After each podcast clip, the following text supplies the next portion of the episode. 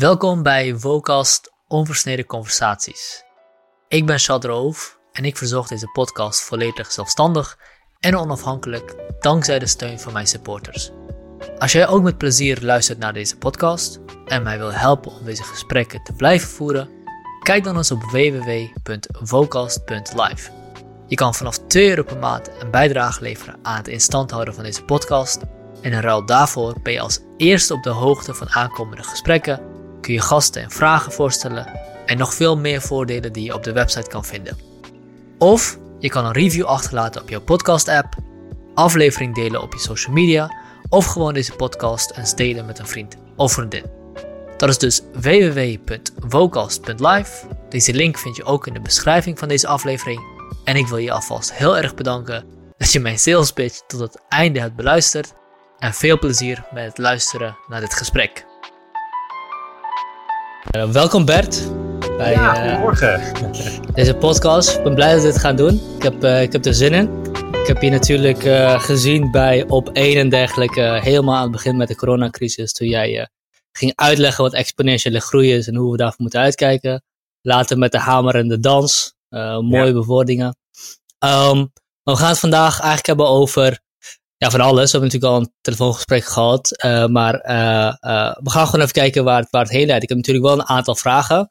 En dan gaan we zien waar dat ons heen brengt. Um, misschien kort voor de mensen die jou niet kennen. wat is het dat jij doet en wie ben je? Ja, wat doe ik? Ik doe heel erg veel. Ik vind ook heel erg veel interessant.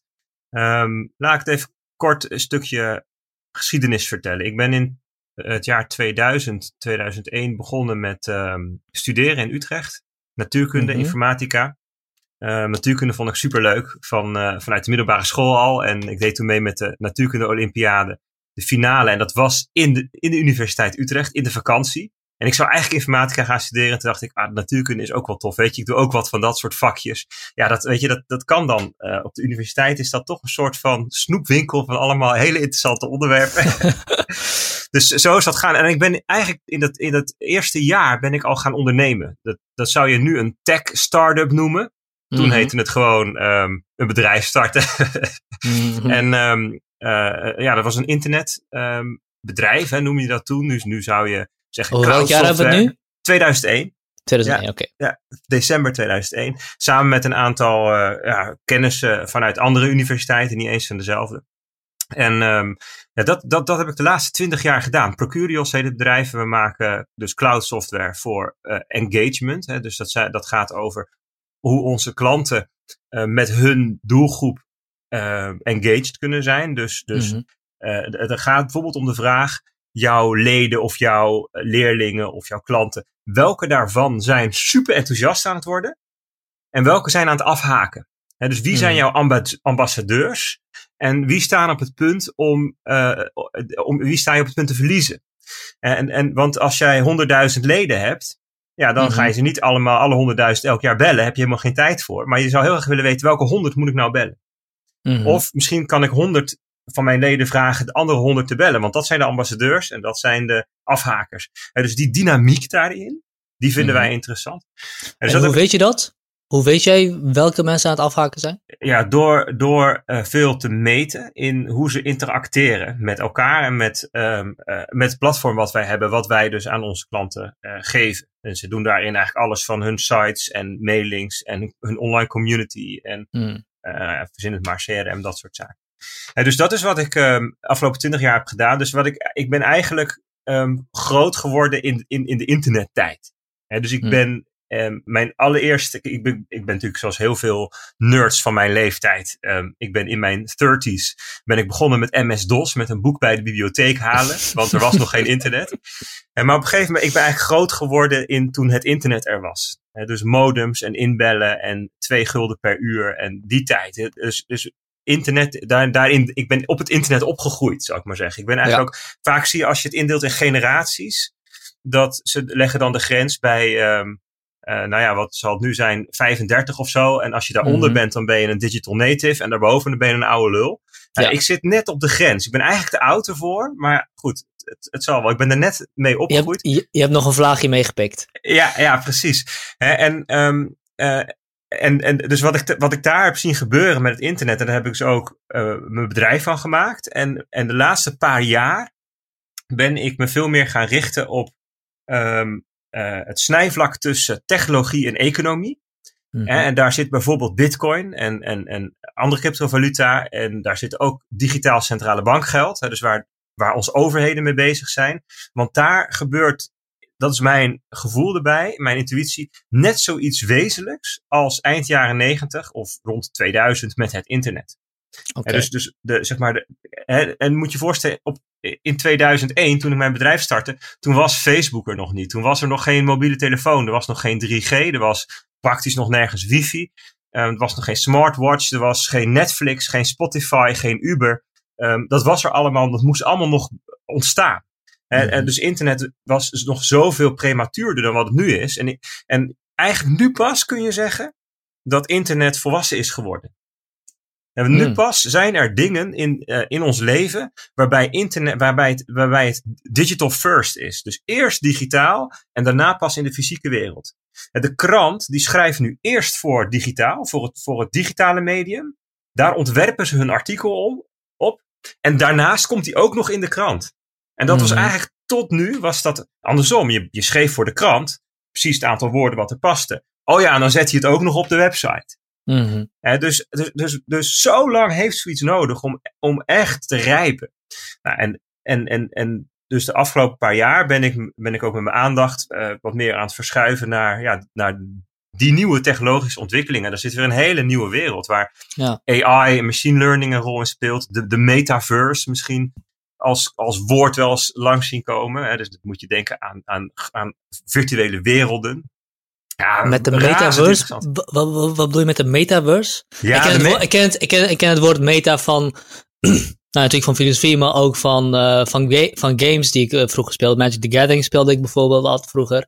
Ja. En dan had je altijd een bepaalde meta. En de meta Ja. was dan je, de, de meta was dan, je, je hebt het spel, je hebt de regels van het spel, maar dan heb je ook nog hoe het spel gespeeld wordt in een bepaalde tijd of op een bepaalde manier. En dat is dan dus de meta. Dus je moet niet alleen de beste kaart of de beste opstelling vinden, maar je moet de beste opstelling in een specifieke manier van stijl van spelen uh, Yes. uh, vinden. En dat is dus de meta. Maar wat bedoel je met de metaverse? Ik denk dat ik wel een idee heb, maar ik ben wel Ja. benieuwd naar de... Nou, het is een hele goede vraag. En eigenlijk is er nog geen definitief antwoord op. Er is nog geen antwoord van dit is de metaverse. Ehm, er zijn allerlei mensen die hier veel meer van weten dan ik. Die, die ook allemaal zo hun eigen perspectief erop hebben. Maar het idee van de metaverse is, of de metaverse in, in het Engels, is dat je ehm, een soort. Dat, dat er een virtuele wereld ontstaat naast de fysieke wereld. Waarin ehm, mensen met elkaar interacteren, eh, mensen ondernemen, mensen wonen, mensen spelen met elkaar, ehm, eh, waar een economie is, waar unieke items zijn. Dat kan zou zijn kunst. Waar, kijk, neem, neem bijvoorbeeld, neem bijvoorbeeld ehm, Fortnite. Mhm. Fortnite is natuurlijk een spel. Hè? Dus er zijn, ik bedoel, ik heb kinderen en mijn, mijn oudste twee die gaan Fortnite. Nou, hartstikke leuk. Maar er zijn ook mensen die gaan in Fortnite een film kijken. Hmm. Die gaan gewoon met elkaar een, gewoon een, een film die nu in de bioscoop draait. eh, of ze gaan naar een concert in Fortnite. En dat is gewoon een live concert. Er zit gewoon een band te spelen. En zij kijken in Fortnite met elkaar naar het concert. Je kunt in Fortnite met V-Bucks kun je items kopen. Ehm, skins of dansjes of whatever. Die hebben waarde. Die kun je, weet je wel. Dus er kan een economie ontstaan. Nou, ehm, Minecraft is ook zo'n soort wereld. En daarnaast kun je het ook verkopen voor echt geld buiten die wereld. Dus ik, ik weet niet of dat in Fortnite trouwens kan, maar Nee, nee, Minecraft dus er en dergelijke wel, waar het, waar het ook een Ja, ding wel kunnen. Ja, dus bij de een kan het niet, bij de ander wel. En dat heeft vaak ook weer te maken met ouderwetse regels. Ehm, en weet je wel, dus het liefst zouden ze het wel willen, maar dat, dat is dan weer moeilijk met, met de regels van een land en zo. Maar daar gaat het natuurlijk wel naartoe. Hè, dat die Mhm. dingen een waarde hebben en dat je die ook tussen de verschillende werelden kunt gebruiken. Eh, Dus je hebt avatars, hè, dus je, je, hebt, je bent een bepaald pseudoniem in zo'n spel. Ehm, nou ja, eh, Minecraft noemde ik. Je had, vroeger had je, ehm, hoe heet die hele bekende nou ook alweer? Waar iedereen zijn bedrijf in ging bouwen. Eh, je hebt de World of Warcraft, je hebt EVE Online, je hebt, eh, Ja, je hebt eh, Ultima volgens mij, je hebt eh, nog andere die op het puntje van mijn tong zit, die ja, niet uitkomt. Ja, er is eentje, tien jaar geleden was hier al, maar Decentraland is er eentje waarbij het, het, het Second Life was je natuurlijk. Second Life, die bedoel ik. Ja. Ja, ja. Nou, dat zijn allemaal nog experimenten, maar dit is wel een, een, een nieuw soort technologie waarin ook virtual reality bijvoorbeeld een rol gaat spelen. Nou, Rutger van Zuidam, ken je misschien, die, die, die doet al mhm. jaren, elk jaar een hele grote conferentie. Fysiek deden dat altijd. Waarin allerlei bedrijven um, en, en, overheden um, vraagstukken neerlegden. Die werden opgelost door allerlei hele slimme teams die op zo'n vraagstuk gingen broeden. Um, de Odyssey noemde die dat. En die heeft dit jaar, of vorig jaar 2020, voor het eerst dat virtueel gedaan. Odyssey mhm. Momentum. En die hebben daar een wereld voor gebouwd. In, met game technologie. En waarin mensen, ik geloof 1800 mensen van over de hele wereld, een paar dagen lang, met elkaar hebben samengewerkt in die virtuele wereld. Waanzinnig succes. Waanzinnig. Veel beter eigenlijk nog dan de fysieke versie. Ja, nou, dat, zijn, dat, is, dat zijn de allereerste grasprietjes van dat nieuwe. Wat voor heel veel mensen klinkt dit als idioot. En dat, gaan we, dat gaat nooit gebeuren. En waarom zou je dit in vredesnaam willen? Mhm. Maar dat zeiden ze ook bij internet in 1997. Mhm. Nou, ik denk, ik denk dat, je, ik denk dat dit, dit verhaal, als je nu vertelt, op dit moment echt niet meer zo wereldvreemd klinkt. Ik bedoel, ik, ik moet een beetje terugdenken aan uh, begin jaren 2000 en eind jaren 90, waarin we heel veel uh, visuele, uh, visuele verbeeldingen hadden van virtual reality. En dat het allemaal zo uit zou zien als, als een Tron-like omgeving. En dat je dan eigenlijk gewoon je fysieke zelf bent, maar dan in een andere omgeving. Um, daar moet ik een beetje aan terugdenken dat dat nu aan het ontstaan is. Maar het is niet meer zo visueel uit te beelden als we toen dachten dat het zou zijn. Het is totaal iets anders. En wat, waardoor het ook moeilijk voor te stellen is dat het daadwerkelijk bestaat, inderdaad. Want inderdaad, er zijn, bedoel, in Second Life hadden mensen gewoon vastgoed die ze verkochten. Ze, verkochten gewoon stukken grond. Uh, Minecraft werken mensen om dingen te verkopen voor, uh, in, in, het echt. Dus inderdaad, die, die virtuele wereld is een echte wereld. Uh, en niet alleen maar een digitale wereld. Het is een echte wereld. Ja. En die doet kruist steeds meer onze, onze realiteit. Ja, en, en, en die digital first vond ik heel interessant. Dat is inderdaad een heel interessante. Digital first. denken we steeds meer. Uh, ja, eh, nog heel even over die wereld. Kijk, wat, wat, wat je.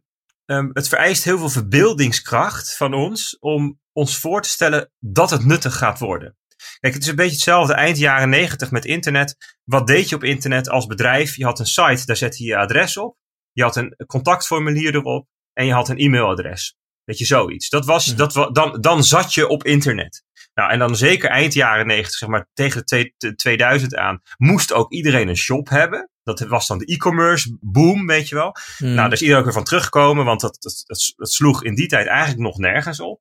Maar dat zag je ook bij Second Life helemaal in het begin. Wat gebeurde er? Dan, dan was Second Life was hip, tien jaar geleden of zo. En dus een, een bank, een Rabobank of een ING, die gingen dan ook hun, een kantoor op Second Life openen. Nou, wat gebeurde er in dat kantoor? Niets. Ja, je kon er een beeldje sturen of zo, weet je wel. Ja, dat was.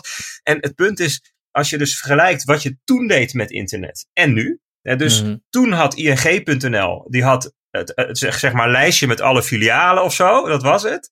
En nu doe je al je bankzaken op internet. Dus zo moeten we ook kijken naar hoe uh, Second Life toen als eerste, nou ja, experimentje gaat ten opzichte van wat er over tien jaar in, in zo'n metaverse gebeurt. En hoe, we daaraan, hoe dat dan normaal is geworden voor, voor ja. mensen.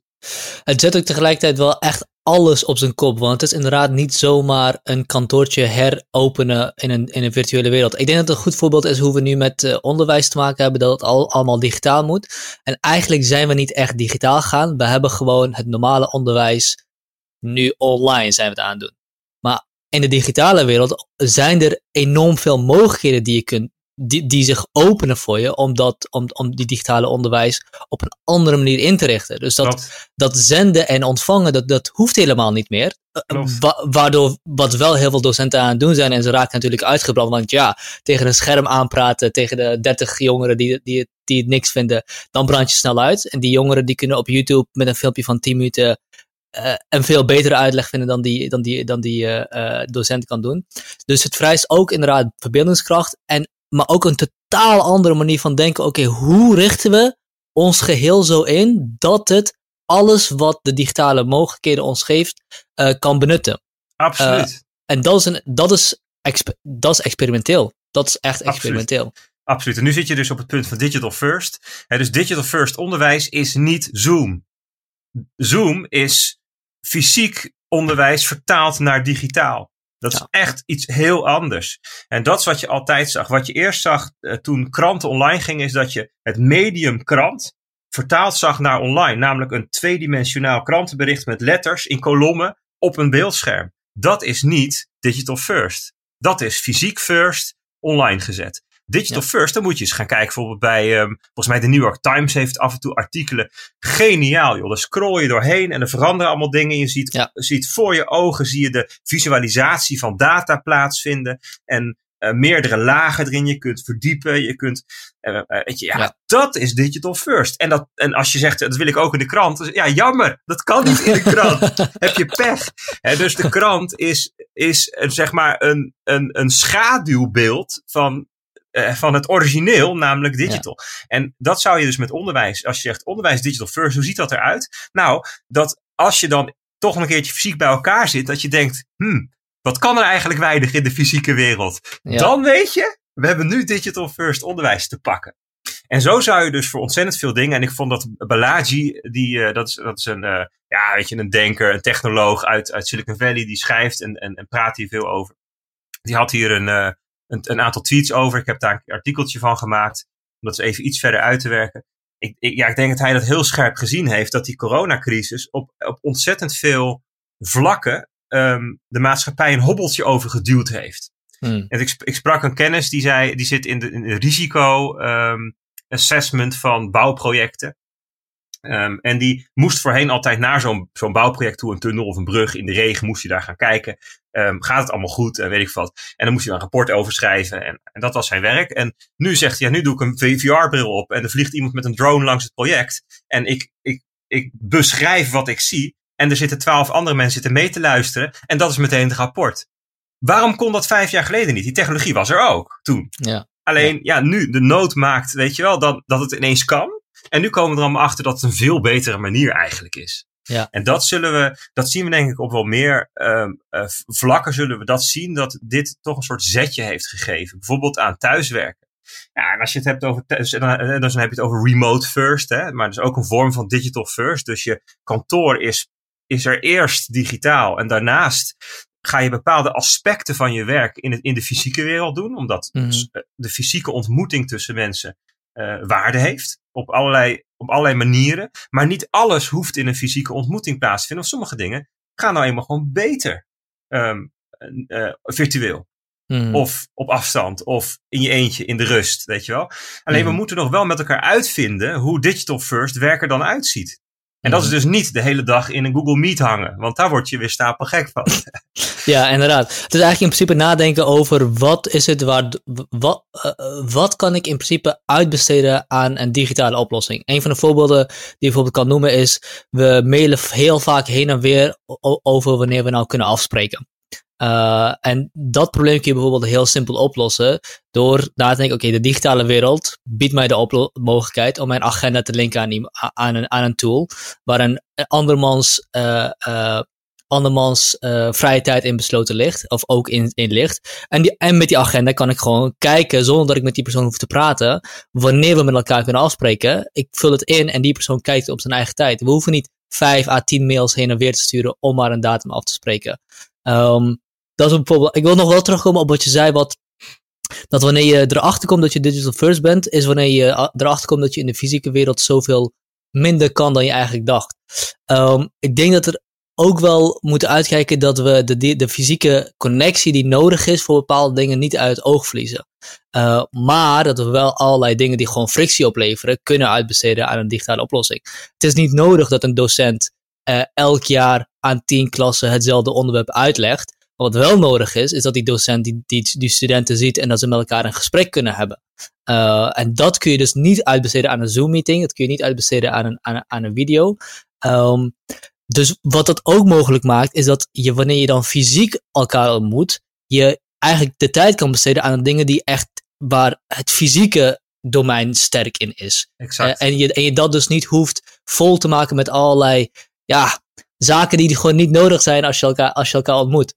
Uh, tegelijkertijd is ook nog iets anders. hoe meer van onze digitale wereld, sorry, hoe meer van onze handelingen met elkaar digitaal plaatsvinden. Dus hoe meer interactie we eigenlijk digitaal plaatsvinden. Want ja, ook een video maken en die op YouTube zetten is een bepaalde manier met van elkaar communiceren. Uh, die, die is dan asynchroon zou je kunnen zeggen.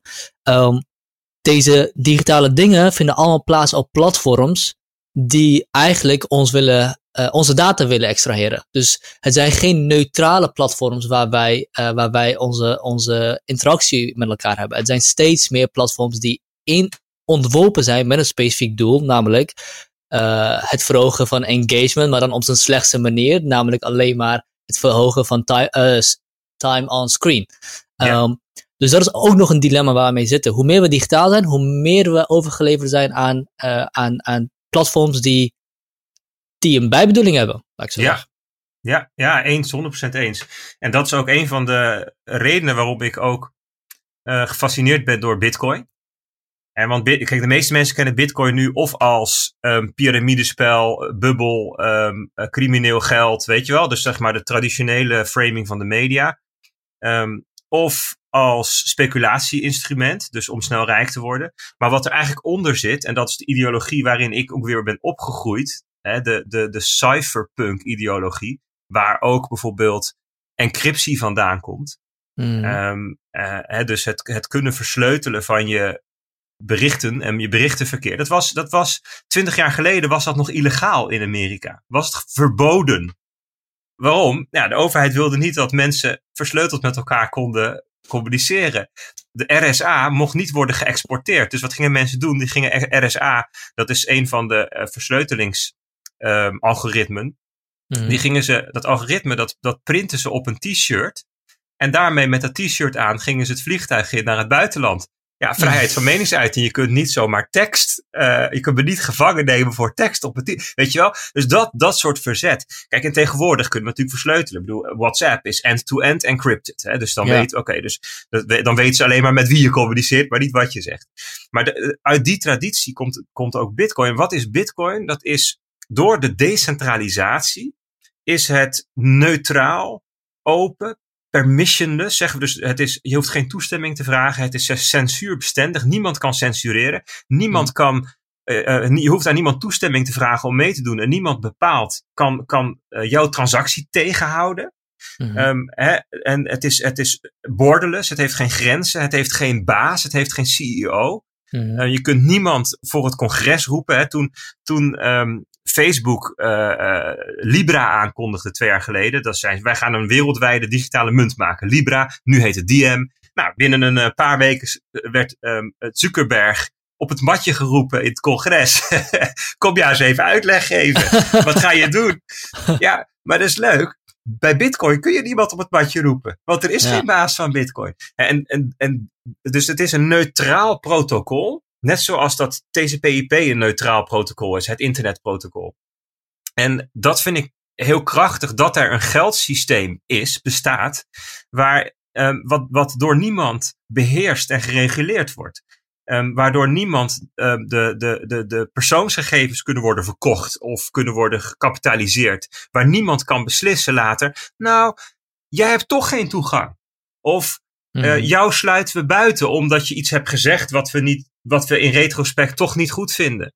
Of mm -hmm. we mhm. vinden een, de nieuwe baas houdt niet zo van homo's, dus homo's mogen niet meer op het netwerk. Ja, je, weet je, je kan het je niet voorstellen in Nederland, maar wereldwijd hè, gebeuren dit soort dingen. Dus mensen worden uitgesloten van het financiële systeem door hun geaardheid, door hun mening, door hun, uh, wat ze ooit gezegd hebben, door waar ze ooit geld aan gegeven hebben. Ja. En, en kijk, Bitcoin in Nederland, kijk, kun je ook afvragen, hè, Bitcoin als betaalmiddel. Kijk, wij hebben natuurlijk zo'n fantastisch uh, geldsysteem in, de, zeg maar, uh, in het dagelijks gebruik. Hè? Dus uh, je, als, ik, als ik naar jou een euro overmaak met een tikje, dan, dan, dan krijg je binnen een paar seconden ping, ik heb het binnen. Weet je ja. wel, en je kunt met je telefoon kun je zo betalen bij de, bij de slager. Het is van, dat is natuurlijk, maar er zijn natuurlijk talloze landen, zeg maar alles buiten de top 20 van, van de munten, zeg maar die andere 180 fiat uh, valuta in de wereld, waar het helemaal niet zo goed gaat. Um, we kennen natuurlijk allemaal de voorbeelden van Venezuela en Nigeria, waar hyperinflatie is, waar dingen um, elke twee weken verdubbelen in prijs. Met andere woorden, de nationale munt kun je eigenlijk helemaal geen bal mee. Tuurlijk, dat zijn, dat zijn dan misschien excessen. Maar in Iran zijn mensen die buitengesloten zijn van het financiële systeem en bedrijven, het hele land Iran trouwens, in Rusland idem. Um, uh, in Wit-Rusland uh, uh, zijn demonstranten die buitengesloten worden van het financiële systeem. Net in Hongkong trouwens, de demonstranten daar, die maken gebruik van bitcoin om toch nog op een of andere manier zonder opgepakt te worden te kunnen, dingen te kunnen doen. In Afrika hmm. zijn allerlei groeperingen die willen demonstreren voor vrouwenrechten of voor inclusiviteit. Die bitcoin gebruiken omdat ze anders gewoon worden opgepakt, worden buitengesloten van het financiële systeem. Hmm. In Turkije, met een inflatie van 10, 15 procent per jaar, is bitcoin hartstikke populair. Want ja, je, je zoekt een manier om ervoor te zorgen dat je geld niet elk jaar 10, 15 procent minder waard wordt. En dus, dus vanuit onze Nederlandse uh, roze bril kun je alles en nog wat ervan vinden. Maar er, zijn, er zijn natuurlijk tientallen, honderden eh, situaties elders waarbij een neutraal geld, waar, waar, waar, waar de despoot niks mee kan, van enorme waarde is. Ja, misschien kun je even uitleggen ook waarom het zo is dat je iemand niet kan uitsluiten van participeren aan Bitcoin. Dat, dat komt omdat um, de. Kijk, hoe het is georganiseerd is dat um, Bitcoin kun je zien als een soort van uh, database waar alle transacties in staan. Een, een kasboek. En mhm. elke bladzijde van het kasboek is een blok in de blockchain. Daar komt het woord blockchain vandaan. En elke 10 minuten wordt er een blok toegevoegd. Je zou kunnen zeggen, elke 10 minuten wordt er een, een bladzijde, een volgende bladzijde volgeschreven in het kasboek van Bitcoin. En in dat kasboek staan transacties. En je zou een transactie kunnen zien als ik heb een zakje muntjes en, die, en, en ik maak iemand anders eigenaar van die muntjes. Dat is een mhm. transactie. Um, en um, die transactie, of die, die, die bladzijden in dat kasboek, die worden beschreven door de miners. Um, die, die maken de blocks. En die miners die zijn verdeeld over de wereld. Er zijn ja, duizenden, tienduizenden miners, maar laten we zeggen de grote miners, de grotere partijen, want dat is natuurlijk altijd van belang. Hè? Hoe groot is de grootste? De allergrootste miner in de wereld is geloof ik minder dan anderhalve procent van het totaal. En hmm. eh, zeg maar, de, de, de, de, de, de, honderd grote miners zijn um, minder dan de helft van het totaal. Weet je wel? Dus dat is heel erg verdeeld over de wereld, over jurisdicties, over plekken, over landen, um, uh, over eigenaars. En die miners die, die, die, die concurreren eigenlijk met elkaar en ze houden elkaar scherp. Want als één miner zegt, hey, ik heb een blok gemaakt aan de blockchain. En de andere miners zeggen, nou, volgens mij heb je een foutje gemaakt. Of je hebt je niet aan de regels gehouden. Of je speelt vals. Mhm. Dan keuren ze dat blok af. Dat is namelijk vastgelegd in het protocol. En mhm. vastgelegd in de regels is, hè, dat je kunt zeggen, de, de, de spelregels van Bitcoin zijn zo dat miners belang hebben bij heel streng controleren wat alle andere miners doen. Mhm. En dus houden ze elkaar eerlijk. Want als iemand oneerlijk is, dan is het gunstig voor de rest om te zeggen: we negeren jouw blok, ja. we gaan ons eigen blok maken.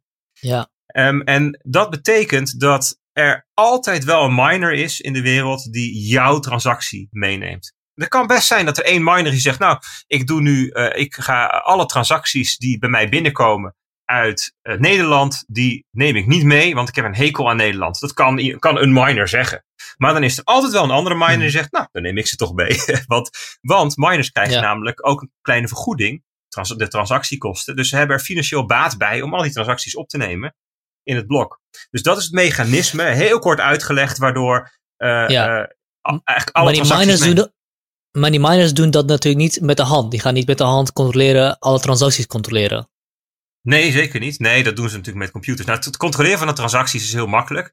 Eh, dat doen de miners, maar niet alleen de miners. Dat doen ook alle andere deelnemers aan het netwerk. Er zijn uh, tienduizend, misschien wel honderdduizend uh, mensen wereldwijd die een node hebben. Een mhm. node moet je zien, N-O-D-E, als in knooppunt in het netwerk.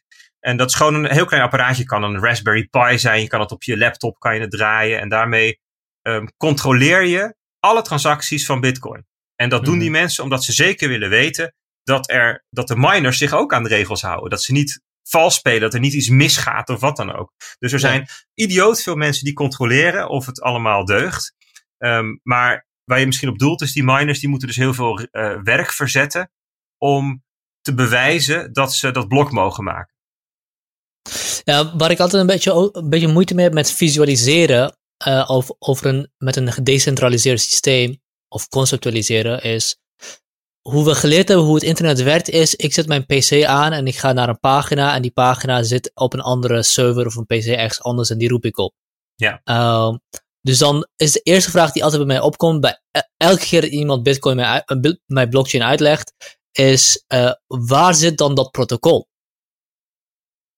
Of is dat gewoon de verkeerde vraag? Ja, waar, waar zit, waar zit het TCP/IP-protocol? Ja, ik, ik, heb geen idee. Ja, TCP/IP-protocol, dat is het, um, het, het, um, het, het, protocol wat ervoor zorgt dat computers um, dat, he, met elkaar kunnen communiceren op internet. He, je IP-adres, dat is het IP-stukje van TCP/IP, dat is uh, zeg maar het adres waar een pakketje vanaf naar een ander IP-adres naartoe gaat. Dus mm. pakketjes op internet, pakketjes met data, die gaan van het ene IP naar het andere IP-adres. En het internet routeert die, die, die pakketjes over een, uh, over soms per seconde een andere route. Dat zou kunnen. Die pakketjes volgen een bepaalde route over het internet via allerlei servers en knooppunten. En, en nou, in, in, in Amsterdam zit uh, het AMS-IX, Amsterdam Internet Exchange. Nou, dat is een heel groot knooppunt wereldwijd. Nou, heel veel gaat via uh, als wij hier vanaf, vanaf, als ik vanaf hier iets naar Amerika stuur, gaat zo'n pakketje vanaf hier naar, naar, via Amsterdam, uh, nog een aantal stappen. Dan komt in Amerika aan. En dan,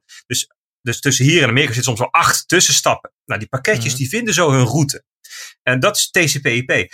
Waar leeft het TCP/IP-protocol? Ja, op elk apparaat dat iets met internet doet, zit een implementatie van het TCP/IP-protocol. dus op je telefoon er zit gewoon, uh, is, is, is, dat protocol geïmplementeerd. Op mijn laptop ook. Op, um, op, op elk connected device, mijn, mijn thermostaat heeft het ook. Die heeft ook het TCP/IP-protocol geïmplementeerd.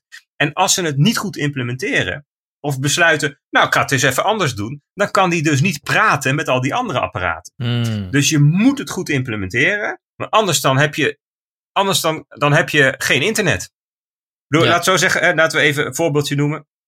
Um, uh, poort 80 wordt gebruikt om uh, webverkeer, dus HTTP, dus dat gaat over webpagina's te versturen. Um, poort 25 is voor mail. Weet je, er zijn allerlei poorten die zijn voor dingen afgesproken. Als jij besluit, nou, ik doe niet poort 25 voor mail, maar poort 113. Kun je doen, maar dan kunnen al die andere mailservers niet met jou praten, want die gaan er vanuit je poort 25 gebruikt. Ja. Dus, dus er zijn dingen met elkaar afgesproken. En als je besluit het anders te doen, ja, dan kun je wel doen. Maar dan maak je dus geen onderdeel uit eigenlijk van internet. Ja. En dan sluit je jezelf min of meer buiten. En dat geldt dus voor Bitcoin ook. En dus, dus het protocol, dat is beschreven in de broncode. En als jij besluit van, nou, ik ga niet, ik, ik zet in mijn broncode, ik doe het open source, past aan, niet 21 miljoen bitcoin, maar uh, 50 miljoen bitcoin. Dan kan je doen, maar dan is het geen bitcoin meer.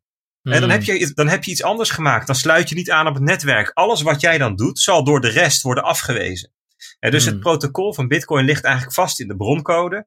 En in diezelfde broncode, wat bij al die, op al die verschillende um, uh, uh, Bitcoin computers, zal ik maar zeggen, al die Bitcoin nodes draait, die gebruiken allemaal dezelfde regels om te controleren of het, um, of het deugt wat de, wat de rest doet. Ja, dus als ik het goed begrijp, is uh, een protocol is in principe een manier, een, een, taal die we met elkaar kunnen spreken. En als ik dat protocol aanneem, dan kan ik met jou spreken. En als ik hem niet aanneem, kan ik niet met jou spreken. TCP/IP-protocol is een manier van computers om met elkaar te praten. Of PC's of whatever, of servers. En de blockchain-protocol is iets wat eigenlijk dat protocol gebruikt om uh, om met elkaar te praten, maar dus ook om waarde uit te wisselen of om transacties uit te wisselen. Exact, het is, het is eigenlijk een manier om waarde te communiceren. Hmm. dus zoals, zoals internet een manier is om informatie te communiceren, is Bitcoin een manier om waarde te communiceren. En blockchain hmm. is een van de ingrediënten van wat het Bitcoin maakt. dus dus de, de, de, de, de innovatie is Bitcoin, niet blockchain.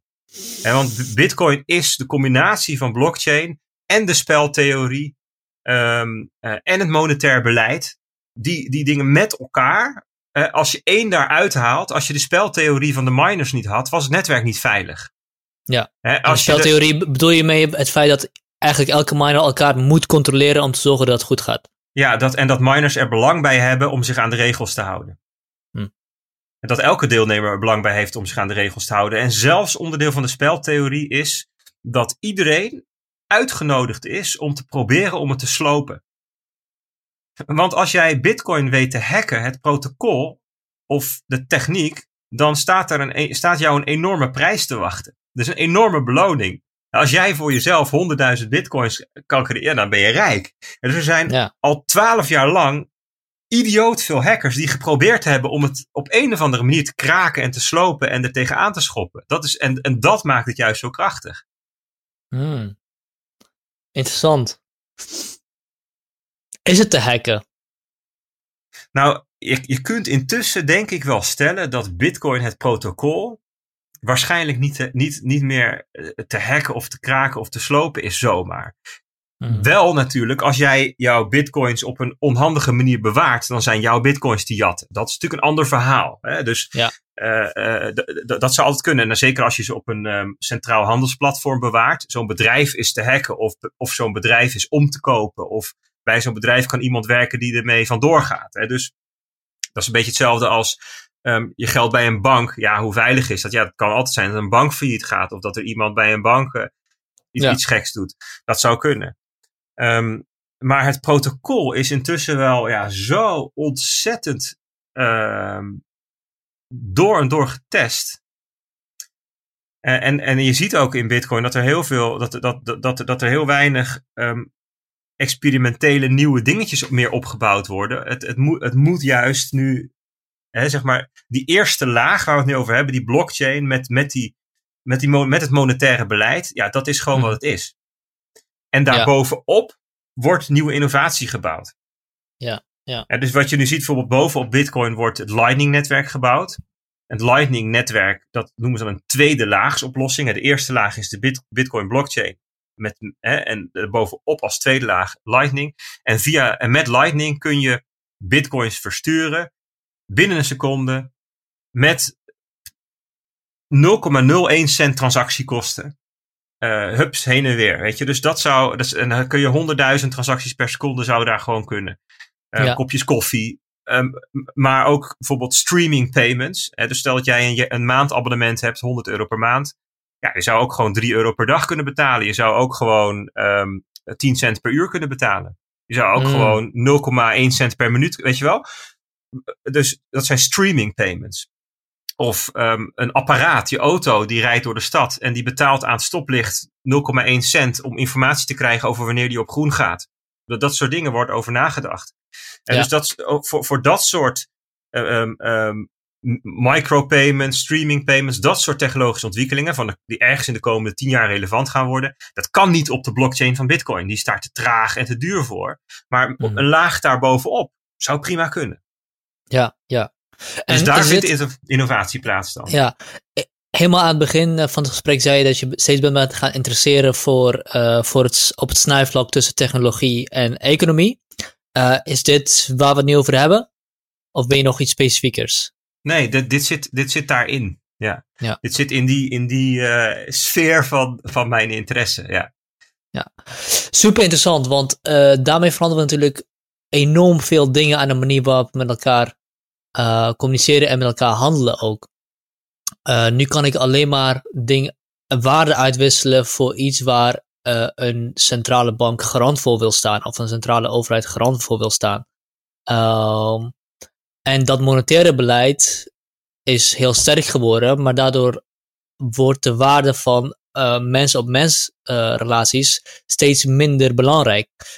maar met zo'n micropayment systeem of zo'n systeem van blockchain waarin je eigenlijk alles kan monetizen, wordt opeens zulke handelsrelaties worden ook weer interessant, omdat je die kan, uh, ja, kan monetizen in principe. en dat is weer iets heel nieuws. Dus ik ben me, ik probeer me een wereld voor te stellen op dit moment, waarin je eigenlijk elke handeling, of elke interactie, of elke uitwisseling van informatie en waarde ook daar tegelijkertijd een monetaire waarde aan kan koppelen. Of automatisch dat dat, dat, dat eraan gekoppeld wordt.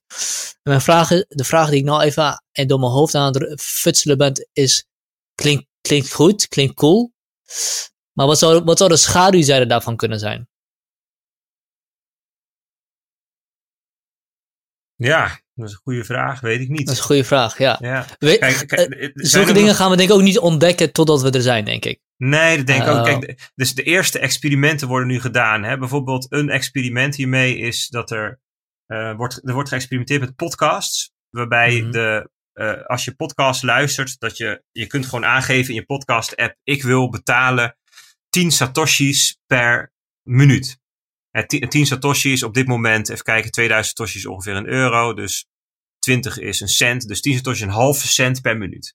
Dus als stel dat je een uur podcast luistert, dan eh levert dat 60, half cent, 30 cent op voor de podcast maken.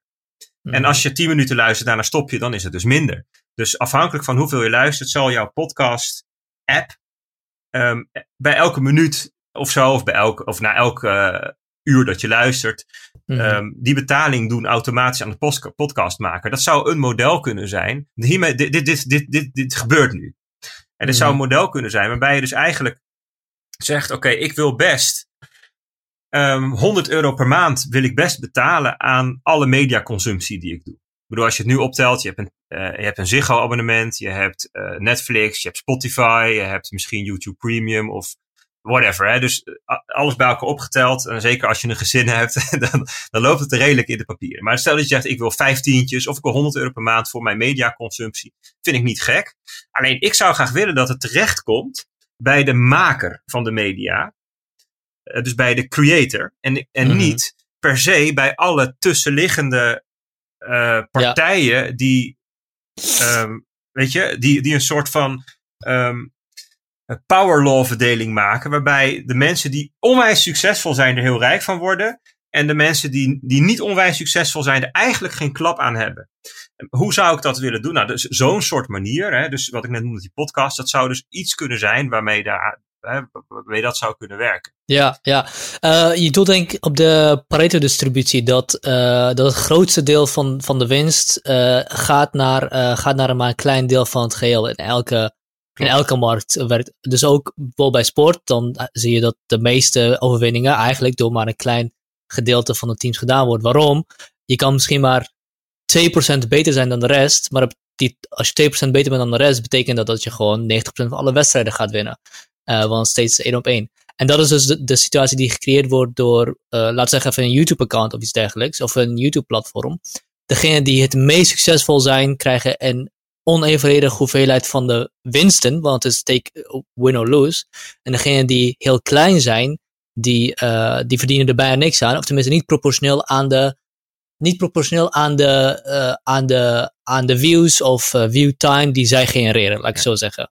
Ja, dus de Pareto, Pareto distribution is een, een specifiek voorbeeld van een eh, power law distribution. Dat is een, eh, Pareto zegt eigenlijk 80% van de omzet wordt behaald door 20% van de klanten. Een beetje die 80-20 regel, de Pareto. Mhm. eh, dus het, de, de, bekend voorbeeld is 80% van de omzet in de boeken wordt door de 20% bestsellers of zo gedaan, weet je, of, de, of, of soms maar de 20. Eh, hè, dus gewoon het absolute aantal 20 boeken zorgt voor 80% van de omzet.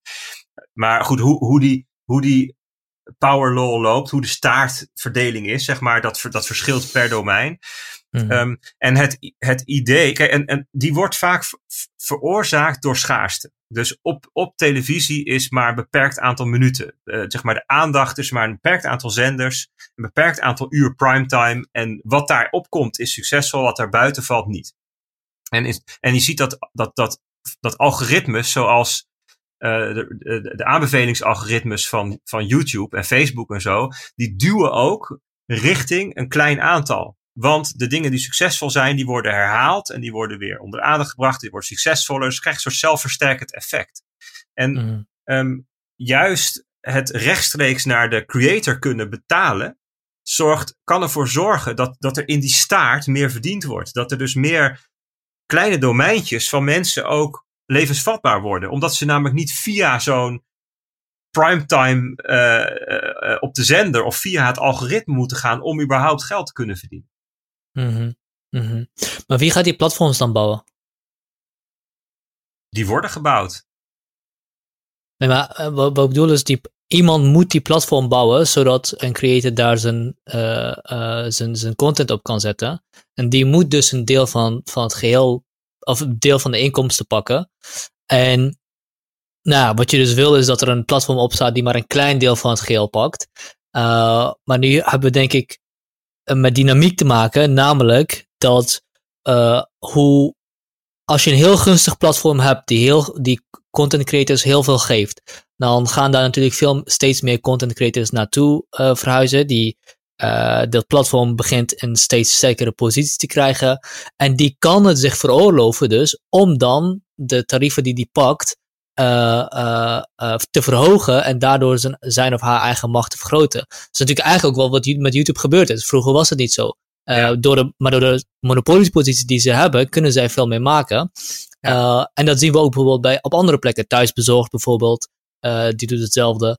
dus er is een bepaalde inherente dynamiek. En ik vraag me af of je dat dan met blockchain zou oplossen of een gedecentraliseerde. Ja, en, en het, het idee is dus dat je de, dat je de infrastructuur, dat je die neutraal maakt. dus de infrastructuur is, is een soort van publieke, een publiek eigen, een publiek goed geworden.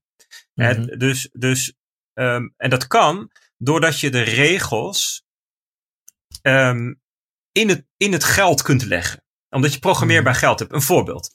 Stel dat je um, een, een, een kunstenaar hebt. Die maakt kunst, maakt art. en die maakt, die maakt een kunstobject en die verkoopt het voor 1000 euro. En vervolgens wordt dat in de loop der tijd 10.000, 100.000 euro waard.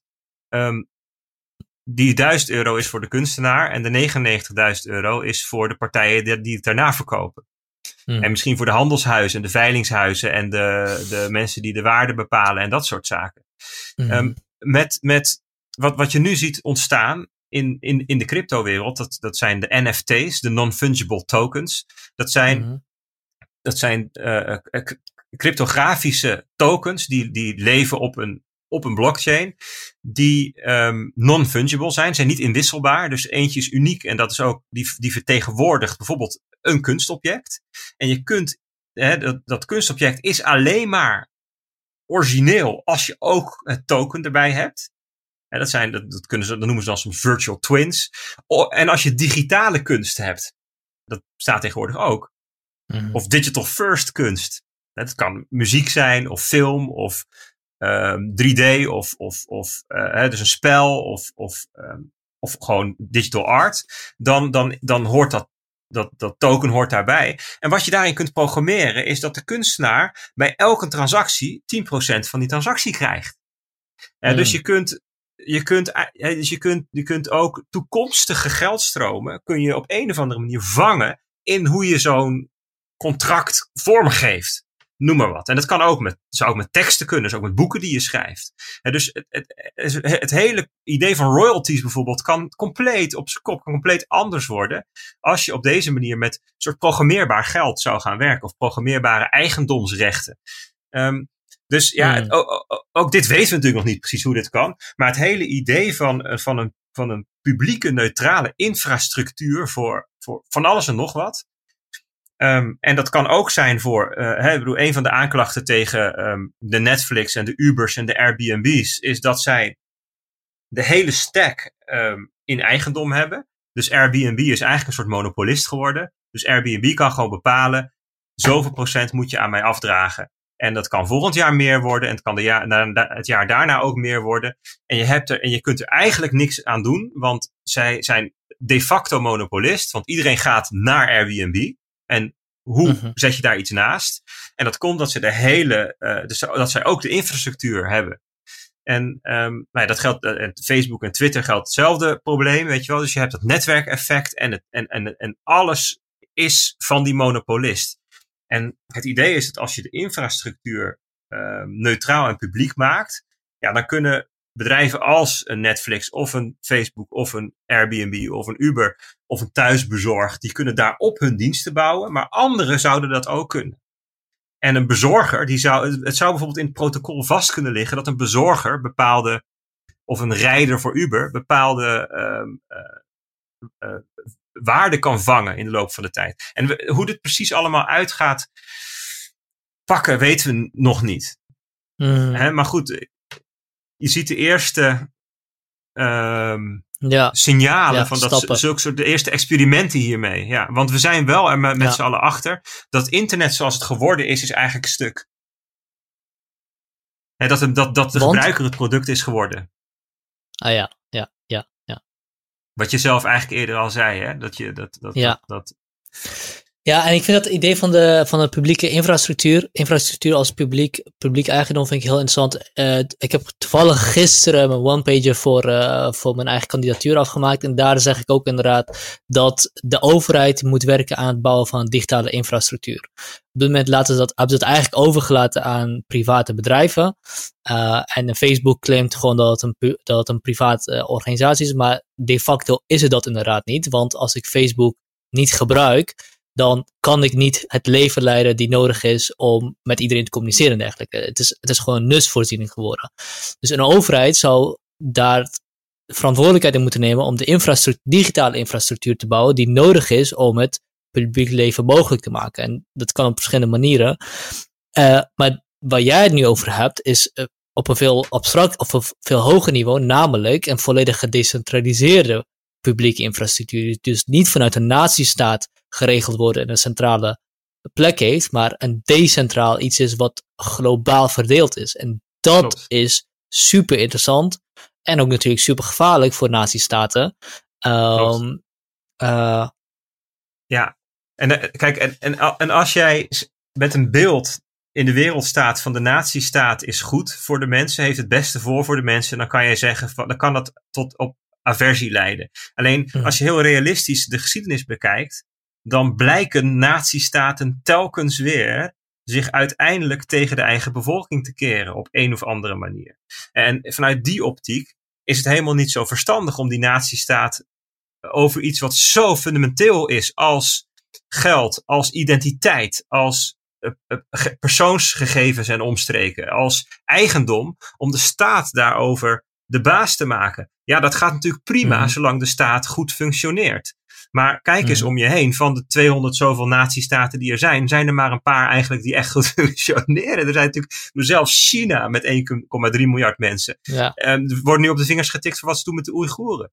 Weet je, dus Ja. eh, het is allemaal, ja, die nazistaat is tricky Nou, ook. Nou, nou ja, buiten die nazistaten keer, keer, de, keer de machthebber zich ook regelmatig tegen, tegen een bevolking. Dus ik zou zeggen dat het iets dieper ligt dan een nazistaat, maar het, eh, het Sure. wezen is van, eh, van corrupterende, corrupterende, corrupterende macht eh, die mensen hebben. Maar ik begrijp, Eens. ik, begrijp wel, ik, ik, begrijp je, ik begrijp wel wat je probeert te zeggen, namelijk dat de nazistaat was een oplossing, of de liberale, eh, liberale rechtsorde of whatever, was een oplossing namelijk om te zorgen dat je eigendom kon ga- garanderen, volgens John Locke. Je kon namelijk garanderen dat, dat mensen met elkaar eh, contracten konden aangaan, met elkaar konden leven, eh, omdat je een derde partij had die tussen beiden medieerde. En dat is eigenlijk, denk ik, van geschiedenis af aan de rol van een, van, van een overheid geweest. Dat was, denk ik, toen een, een, een goede oplossing. Gewoon een, een neutrale derde. Maar misschien is het inderdaad in het licht van wat we digitaal nu kunnen met decentrale, eh, decentrale eh, protocollen, eh, helemaal niet meer zo'n goede oplossing. En dat is natuurlijk super interessant. Als we inderdaad die doelstellingen waar de nazistaat voor gemaakt is, volledig kunnen decentraliseren op een goede manier en de dingen die een nazistaat kan doen kunnen behouden, ja, dan moeten we inderdaad eens heel goed gaan nadenken over wat die nazistaat nog voor rol speelt. Ja, dat is super interessant. En ja, Ja, ik, de- ik denk dat hij een hele grote rol te spelen heeft. Namelijk het, het faciliteren, het bieden van de ruimte voor, voor dit proces om plaats te vinden. Eh, ik bedoel, zeker de, de samenlevingen die zeg maar een open samenleving willen zijn. Dus de open society die, die, die zeg maar willen, die eigenlijk zeggen van er moet in onze, ons land ruimte zijn voor meerdere eh, meningen naast elkaar. Eh, daar, daar speelt privacy bijvoorbeeld een heel belangrijke rol. Hè? Zeg maar het recht om zelf te onthullen over jezelf aan wie en op, op, op welk moment. Ehm, hè, dus wat anders dan geheimzinnigheid. Maar, maar dat, dat is, dat, de, de, de nazistaat kan, kan dat beschermen. Die kan zeg maar de ruimte open houden voor zo'n samenleving dat dat kan bestaan. Eh, en Mm. zo, kan een, zo kan een nazistaat ook de ruimte creëren dat dit soort gedecentraliseerde, eh, open, eh, neutrale eh, infrastructuur, eh, protocollen enzovoort er komt. In plaats van het, het dicht houden en, het, en, en zeggen. Kijk, dat is natuurlijk wat er nu ook, ook ten aanzien van Bitcoin gebeurt. Want er zijn allerlei mensen die heel veel belang hebben bij het handhaven van de status quo. Die zeggen ja, maar dan verliest de overheid, die verliest dan macht en Mhm. inzicht En, uh, dan, dan, ja, en, dat, en in, in zekere zin is dat natuurlijk ook zo. En, en dat is helemaal niet in het belang van allerlei uh, spelers in de, in, in, nou ja, weet je, de, de overheid is natuurlijk best wel groot geworden ook. En met, mm. met hele grote belangen. Dus da daar zit een soort van wrijving. Van, ja, uh, ja, ja. Heel interessant. En in Nederland hebben we ervoor gekozen om het internet neutraal te houden. He, dus, dus netneutraliteit. Dat was bijvoorbeeld een uh, discussie een, een, jaar, x jaar geleden. En dat ging er dan over: mag een internetprovider um, bepaalde data voorrang geven boven andere datastromen? Mag een provider tegen jou zeggen: je moet extra aan mij betalen als je streaming video wil bekijken? En toen heeft de Nederlandse overheid gezegd: nee, wij willen netneutraliteit. Dat betekent elke byte die over jouw verbinding gaat, moet hetzelfde worden behandeld. Met andere woorden, een provider die mag geen voorrang geven aan het een of aan data van de een boven de data van de ander enzovoort. Er zijn natuurlijk heel veel landen die hier anders voor gekozen hebben. Ik bedoel, in China kennen we de Great Firewall. In China, als je in China het vrije internet wil, moet je een VPN gebruiken. Dat is officieel verboden daar. Natuurlijk wordt heel veel gebruikt. Maar er zijn natuurlijk allerlei landen die op een of andere manier censureren op hun internet. Dus, ja. dus in, we hebben in, in westerse landen gelukkig gekozen, ervoor gekozen om een vrij internet toe te staan. En die ruimte die daarmee gecreëerd is, is ontzettend veel waard. Het heeft ook ontzettend veel dingen gebracht. Waarvan we nu denken, shit, dat is niet zo handig. Maar dat is daar gebeurd. En de vraag is, gaan onze westerse overheden dit ook doen voor, nou, voor heel veel van die nieuwe ontwikkelingen die nu voor de deur staan? Ja, goede vraag. Ik weet het niet. Ik, ik weet, niet. Want uh, doe me namelijk denken aan um, aan een discussie die we hadden, of ja, discussie, een uitzending die we hadden op Twitter, waarin jij een, een, een claim maakte voor de, voor de, uh, ik beschrijf het in mijn woorden, en als het niet goed is, moet je, moet je me corrigeren. Wat, je in denk in mijn optiek zei, zei was de, de, de noodzakelijkheid van technologische ontwikkeling. Uh, en dat dat uh, eigenlijk niet te stoppen is, om nou, niet te stoppen is wanneer het eenmaal begonnen is. Dus het is een bepaalde, bepaalde inherente evolutionaire pad in bepaalde technologieën die je eigenlijk niet kan tegenhouden. Uh, vroeg of laat komt het, uh, komt, het, uh, komt, het, komt het eraan. Is dat een beetje een goede vertaling van je woorden? Nou, ik weet niet. Ik moet nog iets verder vertellen wat je, waar, je, waar je op welke nou, ja, Ik denk waar, waar, ik, waar ik naartoe wil is, um, is Kijk, als dadelijk het zo erop aankomt dat nazistaten inderdaad niet willen dat dit verder gaat dan het al gegaan is, um, uh, zou het gewoon tegengehouden kunnen worden. Uh, in de zin dat, het, dat uh, toegang tot alle, alle diensten en dergelijke en die netneutraliteit gewoon opgeven wordt. Um, dus um,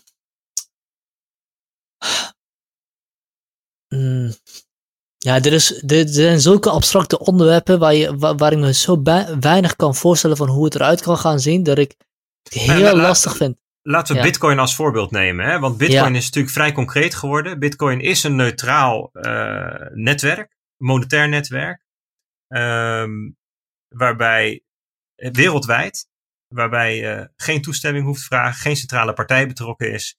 En ik dacht zelf in 2016, 2017 we staan nu op het punt dat overheden bitcoin gaan verbieden. Dat dacht ik. Dat IMF en de BIS en uh, gecoördineerd, hè, de BIS is de, zeg maar de centrale mhm. bank van de centrale banken, dat ze dus gecoördineerd met elkaar zouden zeggen, jongens, bitcoin, leuk idee, maar het wordt ons iets te heet onder de voeten, verboden. Klaar, einde oefening, stekker eruit.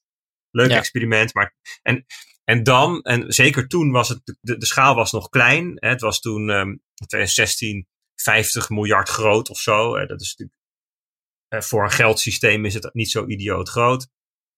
Ja, dan, dan, dan, dan was iedereen ermee gestopt in de westerse wereld. En China was daar dan mee meegaan, want die vonden het allemaal al een beetje spannend. Dan was het klaar geweest. Althans, dan was het niet klaar geweest, maar dan was het, dan was het iets gebleven wat in een soort schaduw-economie uh, had gevormd. En dan was het, dan, dan, dan was namelijk de enige functie nog mensen die het op een illegale manier gebruiken. Want het is namelijk verboden. En Dus dan is het automatisch uh, alleen maar voor, um, nou ja, activiteiten die het daglicht niet kunnen verdragen. Weet je, dan wordt het zoiets. nou ja, ja, nou ja, maar goed. Of, kijk, ja, Of natuurlijk, hè, want we hadden het net even over die encryptie die verboden was in de jaren negentig. Waren dat criminelen? Nee, dat waren gewoon cryptografen. Dat waren idealisten die vonden dat het een mensenrecht is dat je dingen kunt versleutelen. Ja. Dus er zullen ook gewoon allerlei idealisten met Bitcoin blijven werken. Maar ik had gedacht dat zou gebeuren en het gebeurde niet. Sterker nog, um, ze, hebben, ze verboden het niet. Um, ze keurden het niet goed. Maar er gebeurde iets tussenin. Ze gingen het reguleren. Dus ze gingen um, regelgeving maken. Ze gingen vertellen onder welke conditie het wel en niet mag. En dat is ook de reden dat nu in 2020 begon dat, dat grote institutionele partijen bitcoin kopen. dus dat begon met, met MicroStrategy die voor 450 miljoen aan, uh, dollar aan bitcoin uh, kocht. Intussen is het meer dan een miljard. Er volgde een verzekeraar, Mass Mutual en allerlei andere bedrijven. En nu was het Tesla geloof ik in, in, in met januari. Ja. Hè? Ja, ja, maar ze hebben dus ook voor anderhalf miljard weer aan bitcoin gekocht. Oh, ja. dus dus anderhalf miljard dollar is niet niks. En dat betekent bij Tesla dat dus de, de, de board of directors is akkoord gegaan, de interne juristen zijn akkoord gegaan, de externe juristen, de accountant, de SEC. Al die partijen die hebben gezegd, nou oké, we vinden het oké dat jij voor anderhalf miljard aan bitcoin op je balans zet. en dus, dat, dus dat betekent dat bitcoin um, nu goed, goed ge geaccepteerd wordt. Ja, ja. Het is in principe, het is bijna mainstream. Ja, ja, behalve dat, kijk, ja, het verschilt. Kijk, in Amerika lijkt het meer um, begrepen te worden dan in Europa of Nederland. In Nederland hoor ik in de mainstream wereld, dus de mainstream economen en de mainstream media, veel onbegrip, veel vooroordelen, veel onwelwillendheid, veel um, ja, vooroordelen is misschien het goede woord, waardoor het eigenlijk bij voorbaat aan de kant wordt gezet als volstrekt oninteressant en kansloos enzovoort. In Amerika zien mensen toch meer, blijkbaar meer. Maar goed, uh-huh. weet je, dat is, dat is, ook nog een observatie die ik moeilijk kan plaatsen. Ja, nou ja, maar het, het, het, het, het, het, het, de onafhankelijkheidsideaal en de vrijheidsideaal van uh, wat in Bitcoin besloten ligt, past natuurlijk ook veel beter bij de Amerikaanse cultuur dan de Nederlandse. Ja, misschien wel het libertarische of zo. Ja. ja. ja. Maybe, ja. Ja, hoewel ik ook, ja, ik, spreek soms met, met Mahir Alkaya van de SP. Mm-hmm. En die vindt Bitcoin ook heel erg interessant, maar dan vanuit het, het, het, het, publieke aspect. Weet je wel? Dus het is, je kan natuurlijk ook vanuit een niet-libertarisch, ja, libertarische bril kun je, het, ja. kun je het interessant vinden. Maar goed, um, wat wil ik zeggen? Oh ja, dus ging het niet verbieden. Um, en ja, nu, nu, is, nu is Bitcoin dus eigenlijk een. Het, het, het it's there to stay, is eigenlijk de conclusie van steeds meer mensen. Dus de vraag is niet, komt Bitcoin er of niet? Nee, het is er. En de vraag is nu, wat, wat vinden we dat we ermee moeten? Mm-hmm. Dus jij zei net van ja, ik vind het een heel abstract vraagstuk van wat moeten we hier nou mee als maatschappij met dit soort neutrale infrastructuur. Nou, neem dan Bitcoin als voorbeeld van zoiets. We hebben het nu over een neutraal, permissieloos, niet te censureren geldsysteem wereldwijd. Wat moeten we daarmee? Wat gaan we daarmee doen? Goeie vraag. Wat is je advies? Wat is je voorstel? Ja, ik geloof dat het uh, verstandig is om geldsystemen te laten ontstaan door de vrije keuze van mensen. Doordat mensen handelen, doordat mensen dingen doen. Dat mensen zelf beslissen wat ze willen gebruiken als manier om hun waarde in op te slaan. Dus dan heb je het over sparen. Of als manier om mee te betalen. Dus als ja, als, als um, medium Betaal. of exchange, ja, betaalmiddel.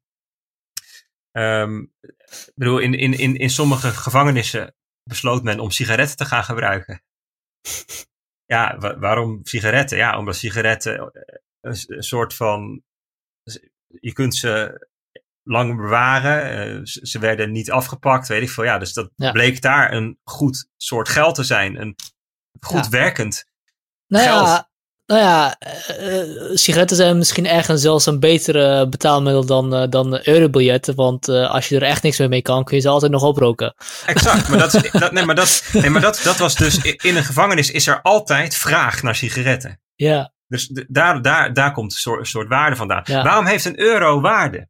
Da- ik het net zeggen, nou, dat is natuurlijk ook een goede vraag. Want een euro heeft geen waarde omdat het een stukje papier is. Het heeft Nee. waarde omdat, omdat je er ergens omdat er ergens iemand garant voor staat. Een band. Ja, maar, nee, maar wat, wat is die garantie? Kijk, euro, de euro's. Nee, de, um, geld, fiat geld was tot de Tweede Wereldoorlog in de meeste en met landen. fiat geld bedoel je natuurlijk alle gewoon betaalmiddelen van landen. De Ja, euro, dus de lira, de dollars. Nationale valuta. Nationale Ja. valuta, die waren tot de Tweede Wereldoorlog in de meeste landen goud gedekt.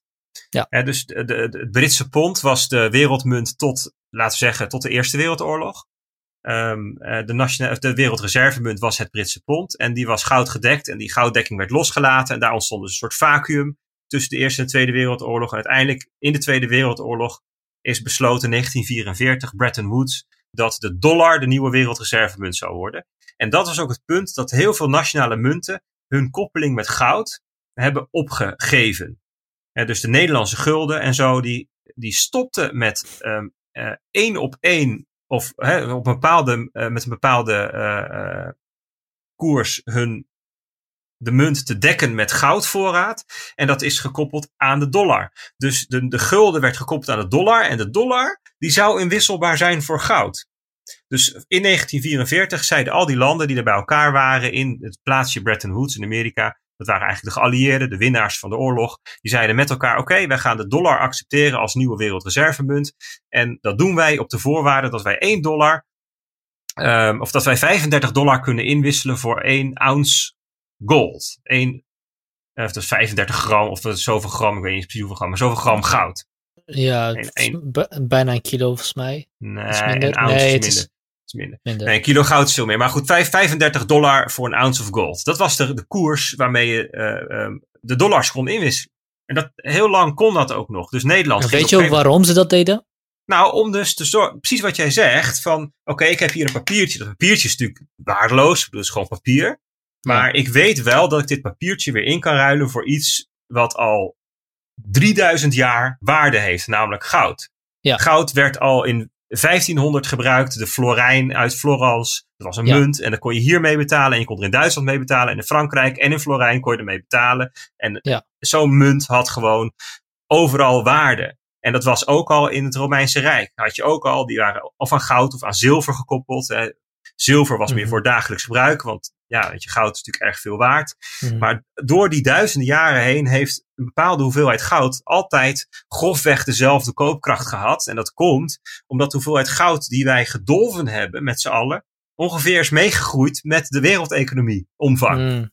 Hè, dus Hmm. grofweg wat je 3000 jaar geleden kocht met goud. En 2000 jaar geleden bij de Romeinen. En, en eh, 500 jaar geleden bij de Italianen. En nu, dat is grofweg zo'n beetje evenveel. Hè, dus, dus was het fijn voor de Nederlanders dat ze in plaats van hun munt aan het goud te koppelen. koppelden ze hun munt aan de dollar. En de dollar was dan gekoppeld aan, de goud, aan goud. Dus was, dat noemen we dan de, de, de goudwisselstandaard in plaats van de goudstandaard. En dat deed Nederland ook. Nederland die ging volgens mij in eh, negen- 1968 of zo, gingen ze nog met, met 100 miljoen of 200 miljoen dollar naar Amerika. Zeiden ze, tada, mogen we dit inwisselen voor goud?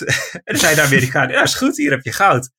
Tot ze op een gegeven moment erachter kwamen, shit, we hebben zoveel dollars gemaakt. En die dollars die zijn overal in al die landen terechtgekomen. Mhm. Als ze dit allemaal komen inwisselen, dan hebben wij dat goud niet liggen. En wat Nixon toen deed, president Nixon in 1971, dat noemen we de Nixon Shock. Die heeft toen gezegd, ehm, beste mensen, vanaf nu kun je dollars niet meer inwisselen voor goud. Einde oefening. Wauw. En sinds dat moment, sinds 1971, noemen we het ook fiat geld. Fiat betekent, ja, dat komt van het Latijn fiat lux, er zij ligt. Hè, by decree betekent dat. Fiat geld is iets waard omdat de overheid zegt dat het iets waard is. Punt. Hmm. Meer is het niet. Fiat geld heeft geen, heeft geen dekking. Ja, we hebben nog wel wat goud liggen in, bij de Nederlandse bank, maar dat is, dat is een, bedoel, we hebben euro's natuurlijk, dus laten we zeggen, alle dekking van alle, ehm, alle Europese eh, centrale bankjes bij elkaar, dat is een fractie van wat er in totaal aan euro's in omloop is. Dat is, ehm, symbolisch. Dus, dus waarom heeft een euro, en, en nou kom je op het terrein van bijvoorbeeld de MMT, de Modern Monetary Theory, dat is een wat nieuwe, op dit moment nog niet een, een, de mainstream economische stroming, maar wel iets wat je steeds vaker ziet. Je ziet het ook bijvoorbeeld bij GroenLinks tractie krijgen. In Amerika zag je het bij eh, de Democraten tractie krijgen. Dat is een stroming die zegt, we hebben fiat geld. En dat betekent dus dat een overheid daar oneindig van kan maken. Want een overheid kan niet failliet gaan in, in fiat-termen, in nominale termen. Want elke schuld kan die weer bijmaken. En dat betekent dat fiat geld alleen maar waarde heeft omdat de overheid de belasting inheft. Dus ik zeg tegen jou, um, jij moet aan het eind van het jaar 10.000 euro betalen aan belasting. En dus heeft een euro voor jou waarde, want jij moet die euro zien te bemachtigen, anders kun je die belasting niet betalen. Dus die draai je het eigenlijk om, oorzaak en gevolg. Zeg ja, weet je. En uh, Mosler, dat is een van de, de grondleggers van de MMT, die zegt. Die had er ooit een mooie uh, anekdote over tijdens een lezing. Hij zei aan het eind van de lezing: Joh, ik heb nog een paar mensen nodig die mij helpen met het opruimen van de zaal. De stoelen moeten even recht worden gezet. Wie wil mij helpen? En als beloning krijg je van mij uh, twee van mijn visitekaartjes. Iedereen zei: Mensen zeiden, joh, gast, serieus, jouw visite, waar, waar, heb je nou jouw visitekaartjes voor nodig? Hij zei, oh ja, wat ik er niet erbij verteld. Bij de deur staat een man met een machinegeweer en je mag alleen naar buiten als je die man een visitekaartje geeft. ah, toen kregen die visitekaartjes ineens waarde. Want anders kan je niet naar buiten. En dat is zeg maar de manier waarop fiat geld zou werken, hè, vanuit hun paradigma. Ja. Fiat geld heeft waarde omdat je er je belasting in moet betalen. Dus de enige reden dat een euro waarde heeft, is dat je de belastingen betaalt. Dat is natuurlijk een heel andere manier van naar geld kijken dan hoe dat 100 jaar, 200 jaar, 5000 jaar ja. geleden was. Maar waarom, heeft, waarom kan een euro dan waarde hebben in een ander land? Uh, buiten Europa dus. Voor iemand buiten Europa. Nou ja, dat, eh, in sommige landen omdat het een handelspartner is. Ik bedoel, de, de mensen in Zwitserland bijvoorbeeld, weet je, dat, daar, daar kun je makkelijk met euro's betalen. Hè? Dus dat, dat, mm. omdat het zo dichtbij ligt. Maar um, nou ja, de euro wordt dus ook niet zo heel veel gebruikt door andere landen om te bewaren. Mm. Sowieso gebruiken andere landen uh, zelden cashgeld om hun waarde in op te slaan. Uh, uh, buitenlands cashgeld, dus zijn vaak de staatsobligaties.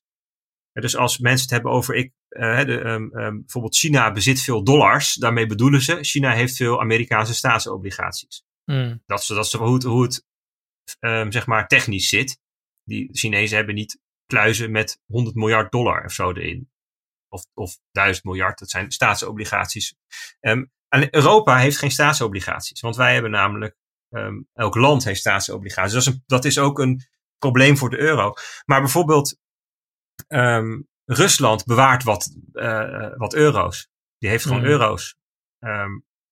Omdat ze daar wel vertrouwen in hebben. Maar je zult bijvoorbeeld weinig landen um, hun reserve zien aanhouden in Deense kronen of in Turkse lira's of in Kazachstanse, wat hebben ze daar? Dus het zijn echt de, de, de hele grote uh, valuta die dan in de wereld een bepaalde rol spelen. Hè? Japanse yens, de Zwitserse ja. frank heeft natuurlijk altijd een bijzondere rol. Um, de Australische dollar, Canadese dollar, de euro, de, de het Britse pond. Weet je, dat zijn een beetje de sterke valuta waar, waar landen wel wat van in reserves houden. Maar over het algemeen wisselen mensen het heel snel weer terug naar hun eigen munt. Toch? Mm -hmm.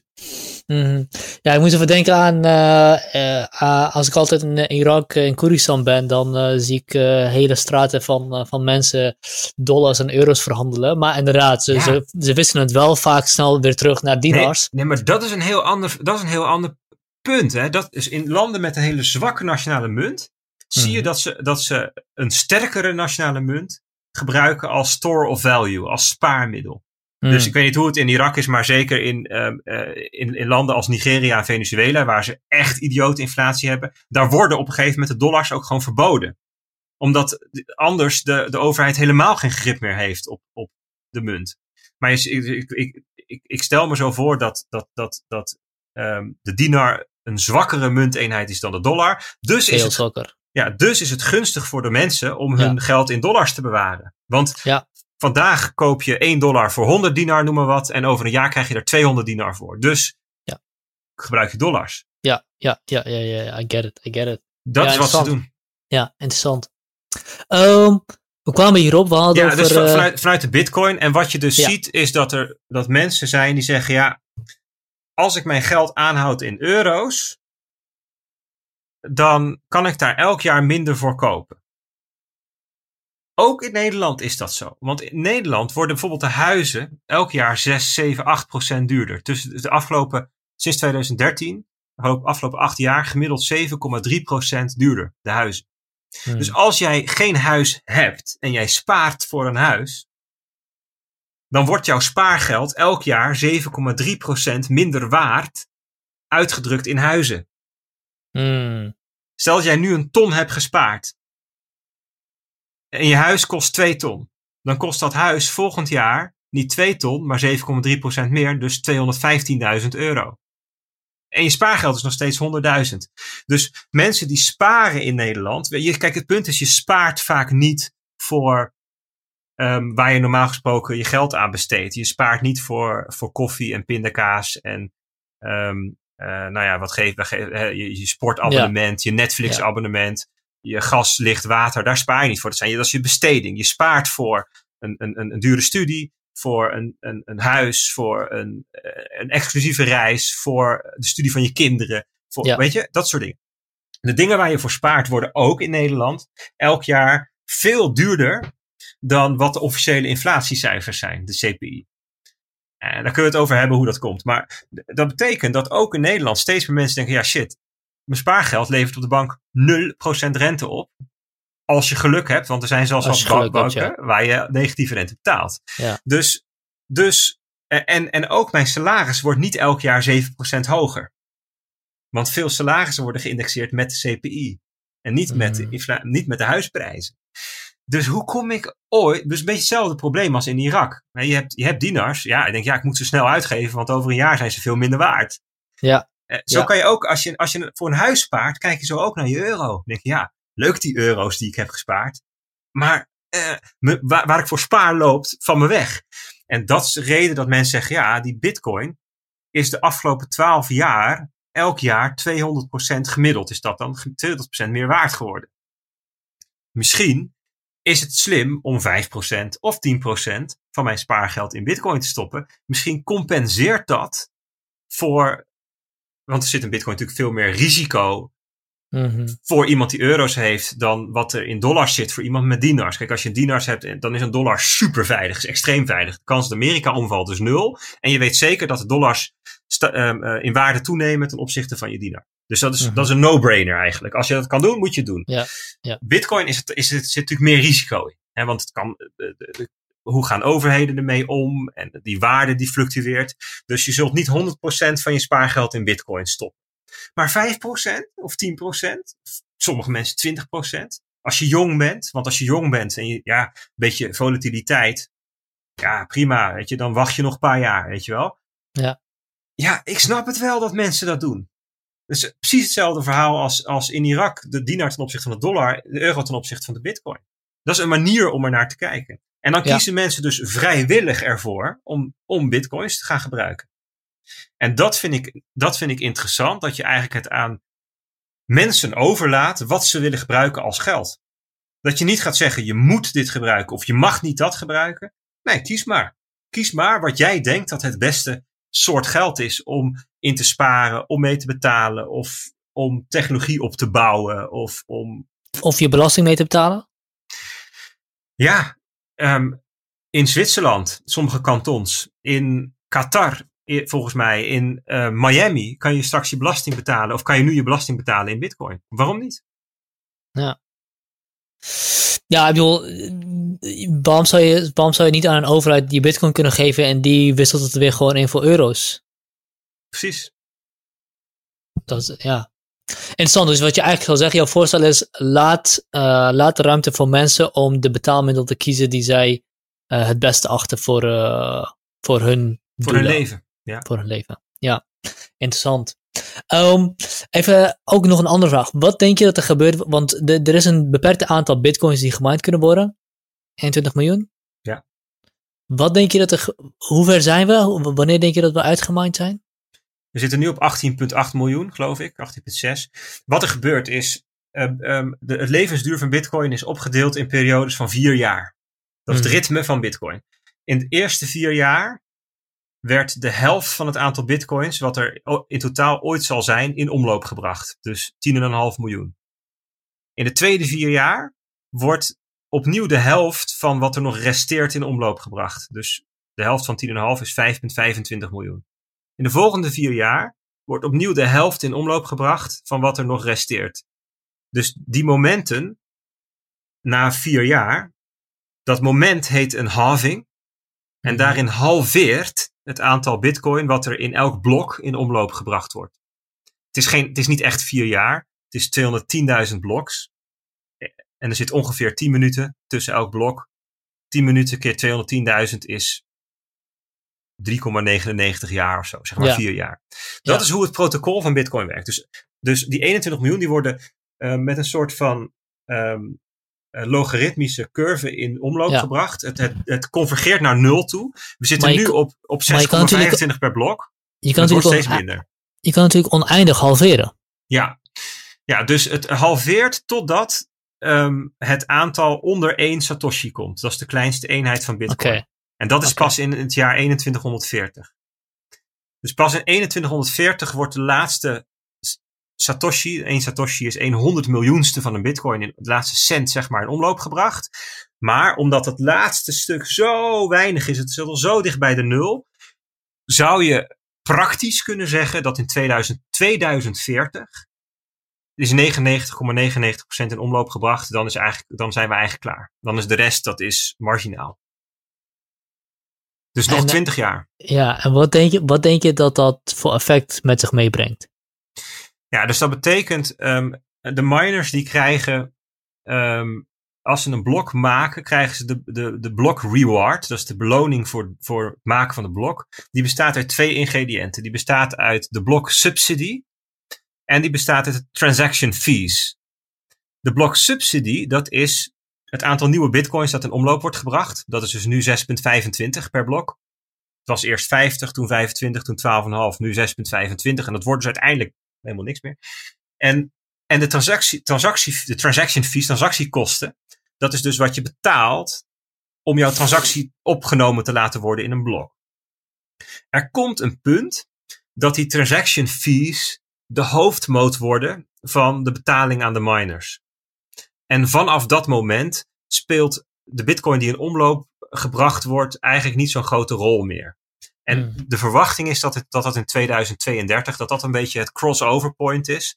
Dat dan eigenlijk de, de transaction fees de, de, de leiding overnemen in het beveiligen van het netwerk. En dat de nieuwe bitcoins eigenlijk secundair worden daaraan. Ehm, en dan is de, zeg maar, de inflatie zou je kunnen zeggen. Hè, want we hebben dus nu 6,25 per blok die erbij komen. Dat komt even overeen met ongeveer een inflatie van 1,8 procent. Dus, dus volgend jaar zijn er 1,8 procent meer bitcoins dan dit jaar. Mhm. Over vier jaar of over drie jaar halveert dat weer. Dan wordt de inflatie 0,9 of 0,8 procent. En vier jaar later, in 2028, halveert het weer naar 0,4 procent. Je, zet- je komt langzaam op een punt dat je zegt: Bitcoin heeft geen inflatie meer. Het aantal nieuwe bitcoins wat erbij komt is praktisch verwaarloosbaar ten opzichte van wat er al is. Dus je hebt eigenlijk een, ja, een geldsysteem waarbij de hoeveelheid vast is. Dus Mhm. de hoeveelheid ehm, munten Verandert is, niet, ja. verandert niet. Die is dus gewoon Ja. een vaste hoeveelheid. En als de economie groeit, ja, dan krijg je dus lichte deflatie. Dus dingen uitgedrukt in bitcoins zullen goedkoper worden. Dus als jij één bitcoin hebt, dan kun je over tien jaar er iets meer van kopen dan nu. En ja. dan, hè, kijk, tot die tijd zal bitcoin dus nog sterk in waarde moeten stijgen. Dat kan niet anders. Als er adoptie is, als bitcoin meer gebruikt gaat worden, kan het niet anders dan dat het in waarde stijgt. Want er kan niet meer van gemaakt worden. Mhm. Dus dat is eigenlijk een soort van, ik noem het altijd het, het opstarten van het systeem. Daar zitten we nu in. Ik vind het wat dat betreft wel mooi dat er gekozen is voor de term blok subsidie. Het woord subsidie zegt ook eigenlijk, dat is, dat is iets tijdelijks. Subsidie zou iets tijdelijks moeten zijn. En je geeft een project subsidie zodat het op eigen benen kan komen te staan. Het zou goed zijn, denk ik, dat subsidies tijdelijk zijn altijd. Van je, je wil iets, je wil iets ehm, opstarten wat eigenlijk uit zichzelf moeilijk opgestart kan worden. Maar uiteindelijk moet het, moet het zichzelf kunnen bedruipen. Want anders is er blijkbaar geen vraag voor. Zodat je zoiets. ja. Dat zou, dat zou, laat ik zo zeggen, dat zou, dat zou het ideaal zijn. Hè? Dus, je, je, nou, dus, dat, dat- dus bij Bitcoin, er is nu sub- subsidie om het op te starten. En op een gegeven moment moet het op eigen benen staan. Het moet volwassen zijn. Ja. Ehm, daar zijn we naartoe op weg. En, en wat dat betreft heeft Bitcoin ook eigenlijk maar twee eindstations over tien jaar. Of het is een hele grote wereldwijde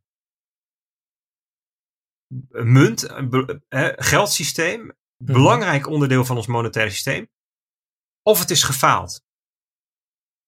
En daartussen zit heel weinig. zit heel weinig opties. En dat komt eh, het door... Kan geen, het, het, kan geen schaduw uh, iets worden. Het, het faalt of het wordt groot. Super succesvol. Zo, de, zeg maar, de omvang die het nu heeft, die, die is niet sustainable voor, de, voor over tien jaar.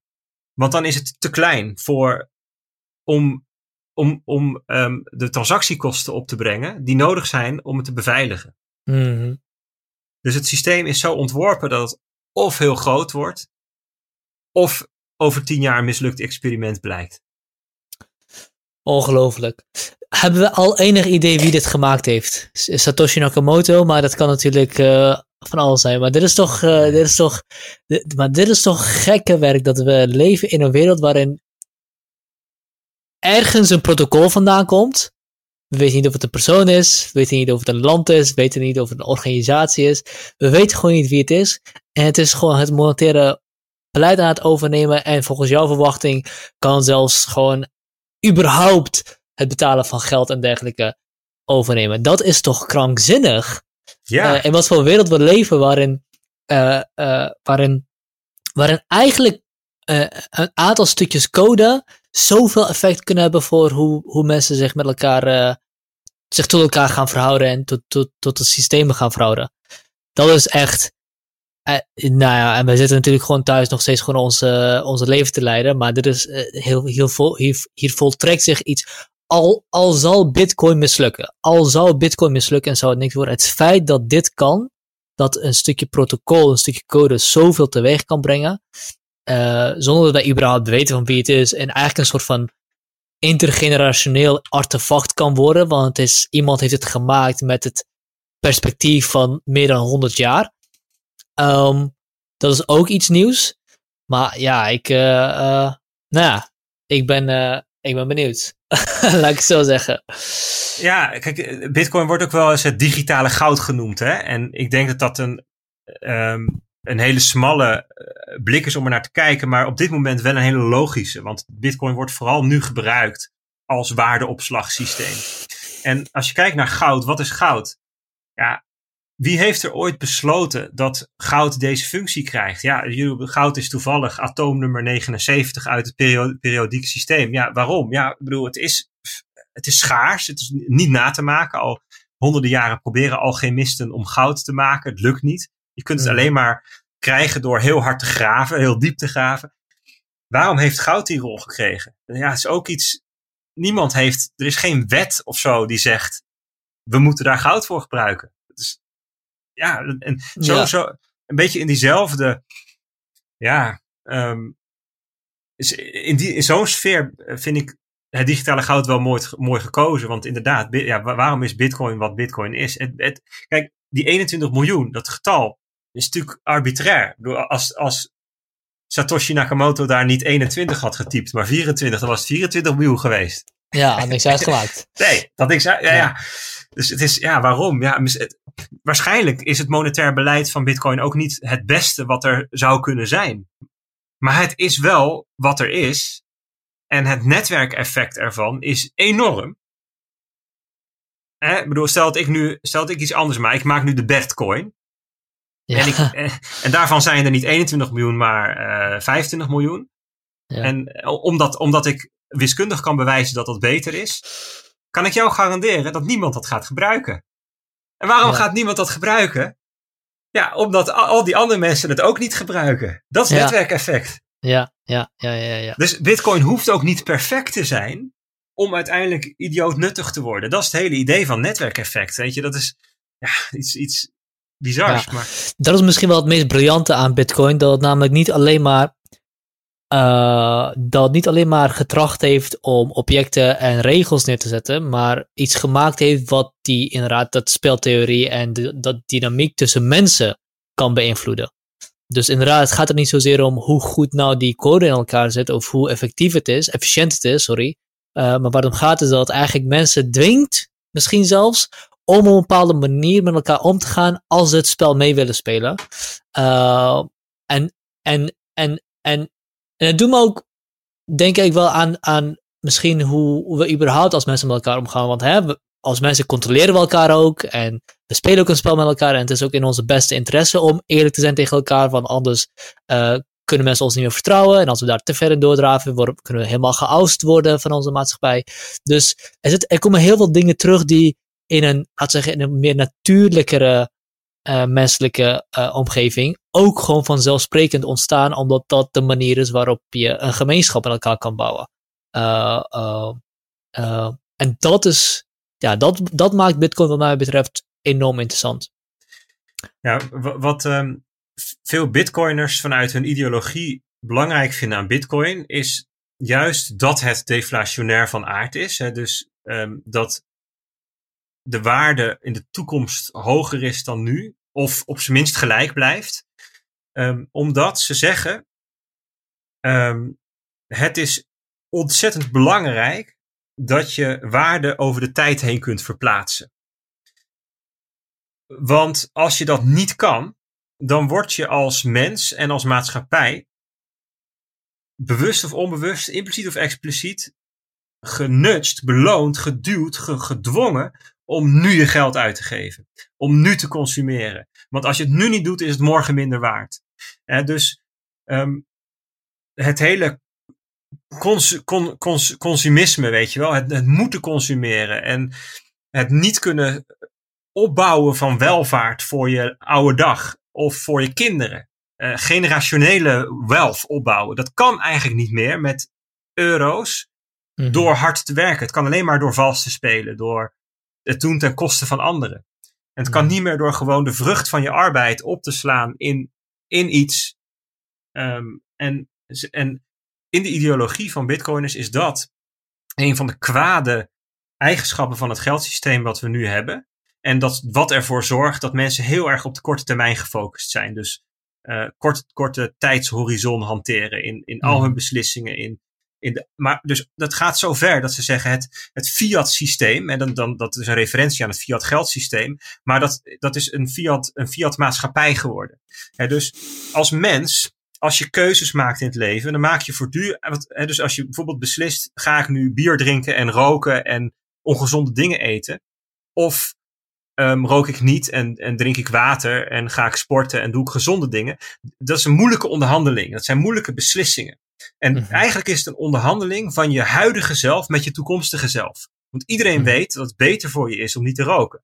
En dat het -hmm. goed voor je is om goed te bewegen en om geld te sparen en om je huis te onderhouden. Alle dingen die goed zijn, dat zijn eigenlijk onderhandelingen met je toekomstige zelf.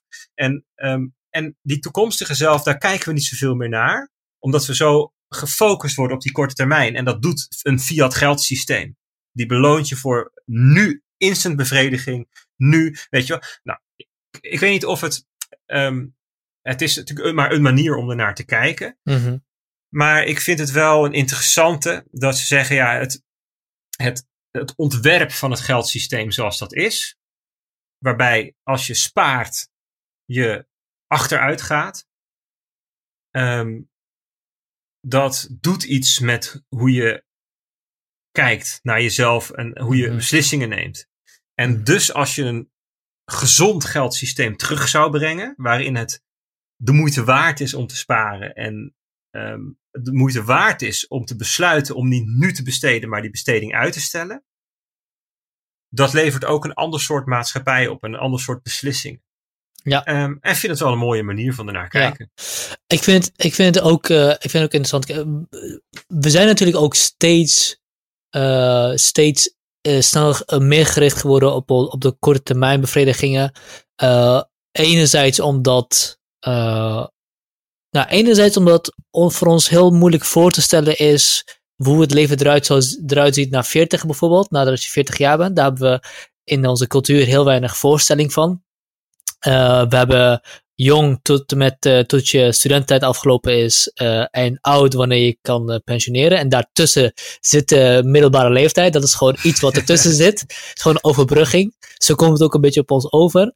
Um, tegelijkertijd worden dingen steeds makkelijker.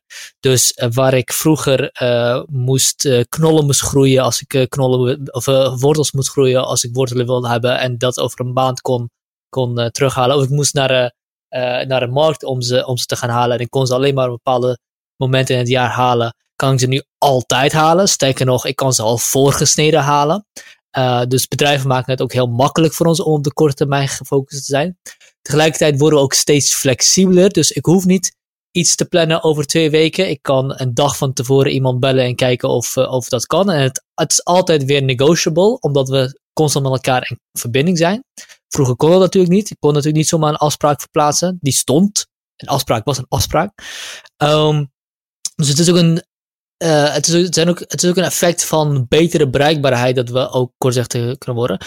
Maar het is ook, en heel vaak als ik zulke discussies voer of zulke gesprekken heb, krijg je altijd het, het, het, het tegenwerping van persoonlijke verantwoordelijkheid. Nou, dat is toch jouw verantwoordelijkheid dat je dat niet doet.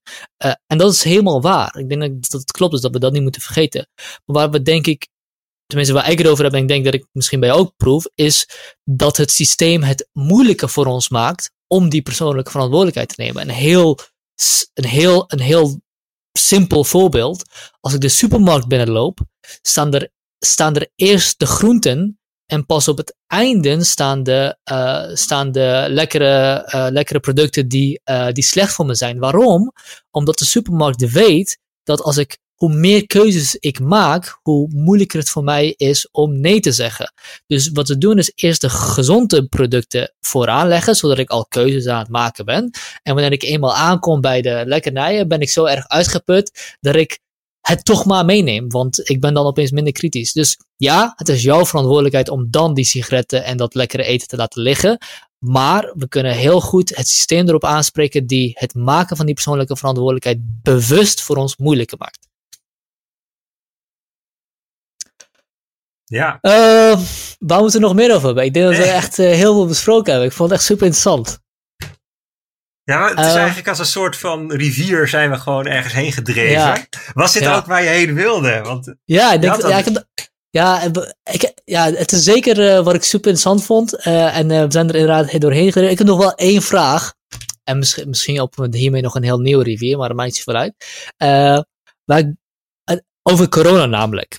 En, mm -hmm. en, en, waar we het ook aan de telefoon hadden, heel veel mensen, mensen uit de techwereld wisten al van te, al voordat andere mensen, voordat de medische wereld uh, op, uh, op alert stond, stonden ze, stonden ze eigenlijk al op alert. En mijn vraag is eigenlijk, hoe kan dat? Hoe kan, hoe kan het dat zij dat, en misschien ben je daar onderdeel van, of reken je jezelf als onderdeel van, weet ik niet. Hoe hebben jullie dat eerder kunnen zien dan een RIVM of een WHO die daar eigenlijk voor ingezet zijn?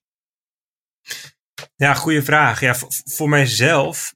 Um, kijk, wat, wat bij mij in een rode draad eigenlijk door al mijn onderzoek en ontwikkel en denkwerk heen loopt, is complexiteit.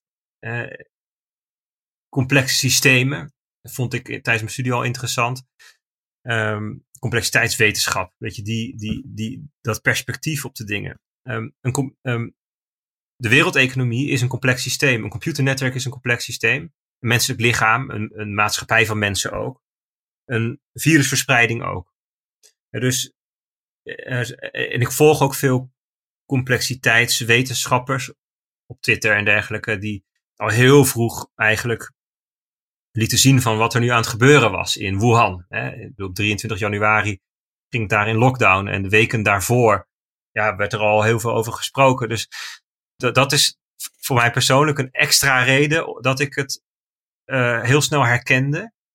Um, een, een, een, een, een epidemie of een pandemie is ook een redelijk standaard tekstboek voorbeeld van uh, wat in complexe systemen gebruikt wordt om, uh, om, om, het, om het te hebben over eigenschappen van complexe systemen.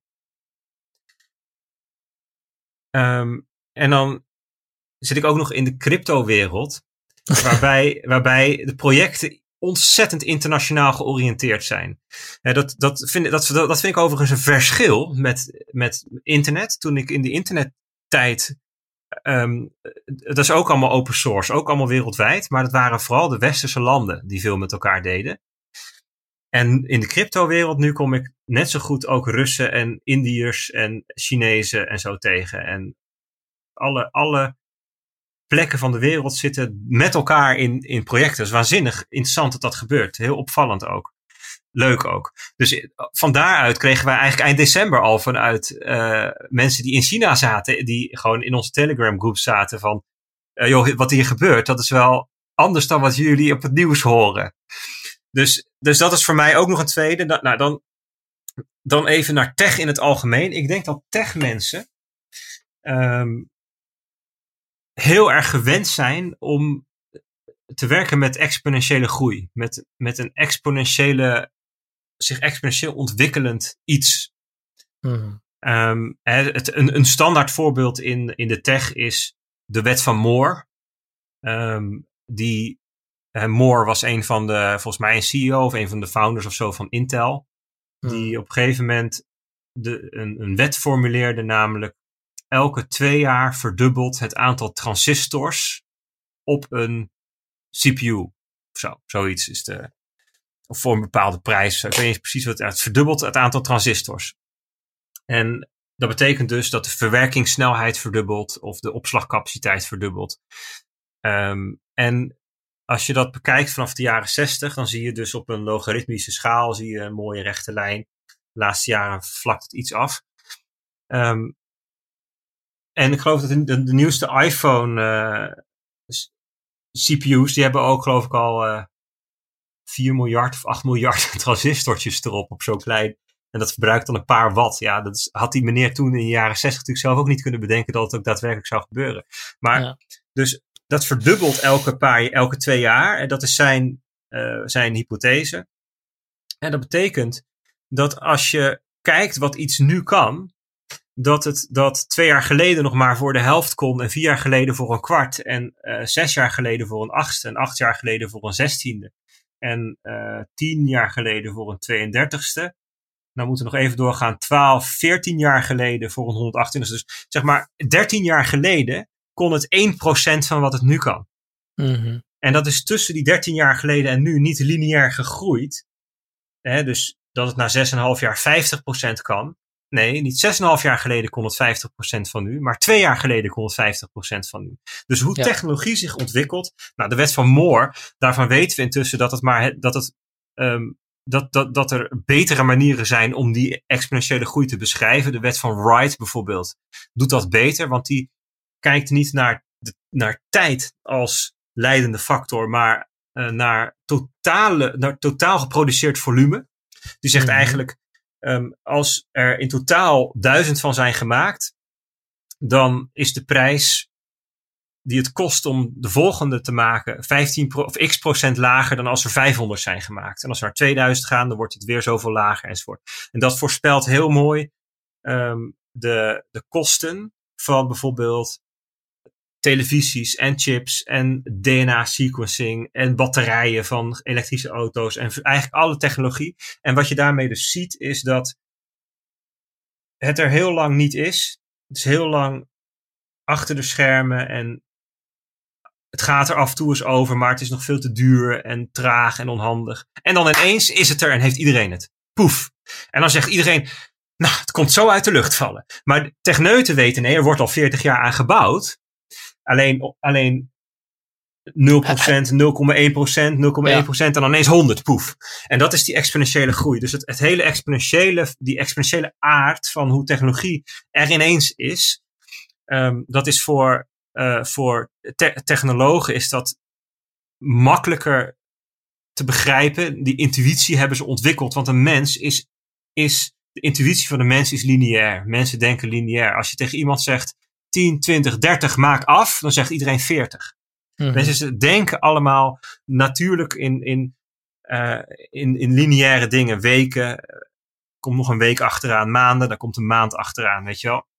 En je moet dus op een of andere manier een soort intuïtie ontwikkelen voor, voor de exponentiële groei.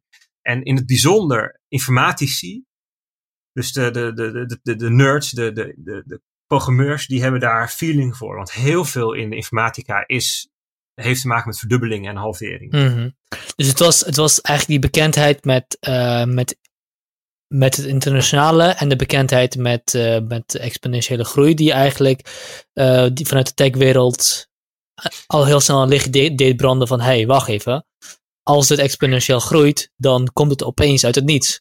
Ja, dat betekent dat je je moet kunnen voorstellen dat als er nu maar 10 of 20 zijn, 10 of 20 besmettingen, dat dat niet betekent dat het er volgende week 40 zijn en de week daarna 60 en de week daarna 80 en de week daarna 100. Maar Mhm. dat het gaat van 20 naar 40 naar 80 naar 160 naar uiteindelijk 10.000 en 100.000. Dus dat je je kunt voorstellen dat de tijd die je hebt minder is dan je denkt. Ja. En dat vroeg ingrijpen dus onverwacht nuttig is. Hè? Contra-intuïtief nuttig is. Dus, dus ingrijpen als je nog maar 10 gevallen hebt, dat Wanneer lijkt... er, ja, wanneer er eigenlijk niks aan de hand is. Nee, dat, lij- dat lijkt als idioot over, over gereageerd. Ja. Maar dat voorkomt dat je bij 100.000 gevallen zegt: hmm, ja, we kunnen nu niet, we kunnen nu niet, niet reageren. We moeten iets. Hè? Ja. En dus de landen die dat zagen en dus idioot vroeg hebben ingegrepen, ehm, ja, dat zijn de landen die het heel goed hebben gedaan. En dus eh, ja, en hi- hier in het Westen ehm, doen we daar vaak schamper over Mm. hè, over die landen. En dan, dan zijn er weer mensen die zeggen, ja, in Australië moesten ze geloof ik pas vijf dagen in lockdown omdat er één besmetting was. Stelletje idioten, die gaan het hele land platleggen voor één besmetting. Maar na vijf dagen gaat alles weer open. En zit iedereen weer in de kroeg en op een festival. En weet je wel? Dus Mhm. in, in, in dat soort- we hebben dus nog steeds allerlei mensen, contact met mensen in China. Die zeggen, ja, hier gaat het leven gewoon weer door. De economie is gewoon open, alles gaat gewoon verder. Alleen bij jullie is het nog steeds gemodder. ja, want ja, ja, ja. Wij waren zo idioot om meteen te reageren. Ja, ja, ja, Dus, eigenlijk, dus eigenlijk overreageren is in dit geval eh, beter dan, eh, dan te laat reageren. Bij exponentiële groei in het bijzonder wel. En we zien nog steeds nu dat veel mensen het niet begrijpen. En dus nu gaat het er dan over van, ehm, ja, je zou eigenlijk ehm, de, de zorg moeten opschalen van 500 COVID-bedden naar 800. Mhm. Want dan kan de economie verder open. Ja, dan begrijp je het niet. Het enige wat er dan kan, is dat de economie voor korte tijd verder open kan. Totdat je van 500 naar 800 bent gestegen en dan is het ook vol. Ja. En dan moet die economie weer net zo dicht als nu. En want dan heb je, je, heb je die korte tijd van exponentiële groei heb je opgebruikt. En dus mensen realiseren zich niet dat, dat een x aantal bedden betekent niet ehm, hoe open de economie kan. Maar hoe lang de economie open kan voordat die weer dicht moet. Ja, ja, ja, ja. Snap je? Dus dat is heel moeilijk te begrijpen. Mensen snappen ook niet van we hebben nu pas 10 tot 15 procent van de mensen zijn pas ziek geweest. Mhm. Dus dit, het is niet een kwestie van een paar weekjes ellende als je nu open gaat. Nee, het, het- ja, nou ja, goed. Wat, wat dan? Wat, wat is dan de kwestie wel? Nou, dat er dus nog een reservoir van 10 miljoen mensen is die ziek kan worden. Hmm. En dat als je dat onbeperkt zijn gang laat gaan, dat er dan een dynamiek ontstaat waar je iets mee moet. Mhm. Die dynamiek kan zijn dat je tegen mensen zegt, dat je met elkaar afspreekt. Als je COVID krijgt, blijf je thuis. Thuis ga je dood. Dat kun je met elkaar afspreken. Dan kan de zorg gewoon blijven functioneren. Ja. Of je ziet dat de zorg overspoeld wordt en zegt, ja, dat vinden we niet acceptabel dat de zorg overspoeld wordt op deze manier. Dus we gaan toch weer een lockdown doen. Mhm. Ehm, of je doet niks en je laat mensen zelf reageren. Nou, dan zul je dus zien dat sommige mensen in paniek raken. Andere mensen die gaan niet naar hun werk. Andere mensen die gaan rellen. Of weet ik veel, dan krijg je onrust. Ja, daar moet je over... Weten we niet precies wat gaat. Maar er ontstaat een dynamiek waar je iets mee moet. Ja. Je kunt niet gewoon zeggen, je gaat... Je doet de maatschappij open en dan komt het allemaal wel goed. Dan, Ehm, begrijp je exponentiële groei niet. Ja, ja wat, vind je, wat vind je dan van het plan eh, wat, wat eigenlijk al heel lang eh, opgeopend wordt, maar wat Herstel NL weer opgeworpen heeft, om eh, de ouderen, de 4,5 miljoen mensen te scheiden van, van de rest. Nou, het, het- wat ze willen is niet de ouderen scheiden, maar de risicogroepen. De risicogroep, sorry, ja. En het probleem is dat je ten eerste dat je niet precies weet wie de risicogroepen zijn. Dat weet je pas achteraf. Iemand van 41 werd ziek, kwam op de IC.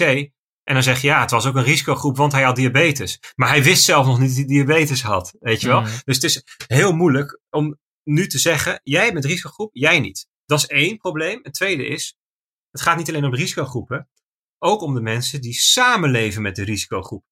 Dus als jouw huisgenoot iemand uit de risicogroep is, of iemand waar je mantelzorg voor doet, dan behoor je ineens ook tot de risicogroep. Indirect. Dus de, zeg maar, de groep van mensen die um, zich waterdicht moet afscheiden van de rest, is heel groot en is heel moeilijk precies aan te wijzen. Het is heel moeilijk hmm. precies zeggen wie dat zijn.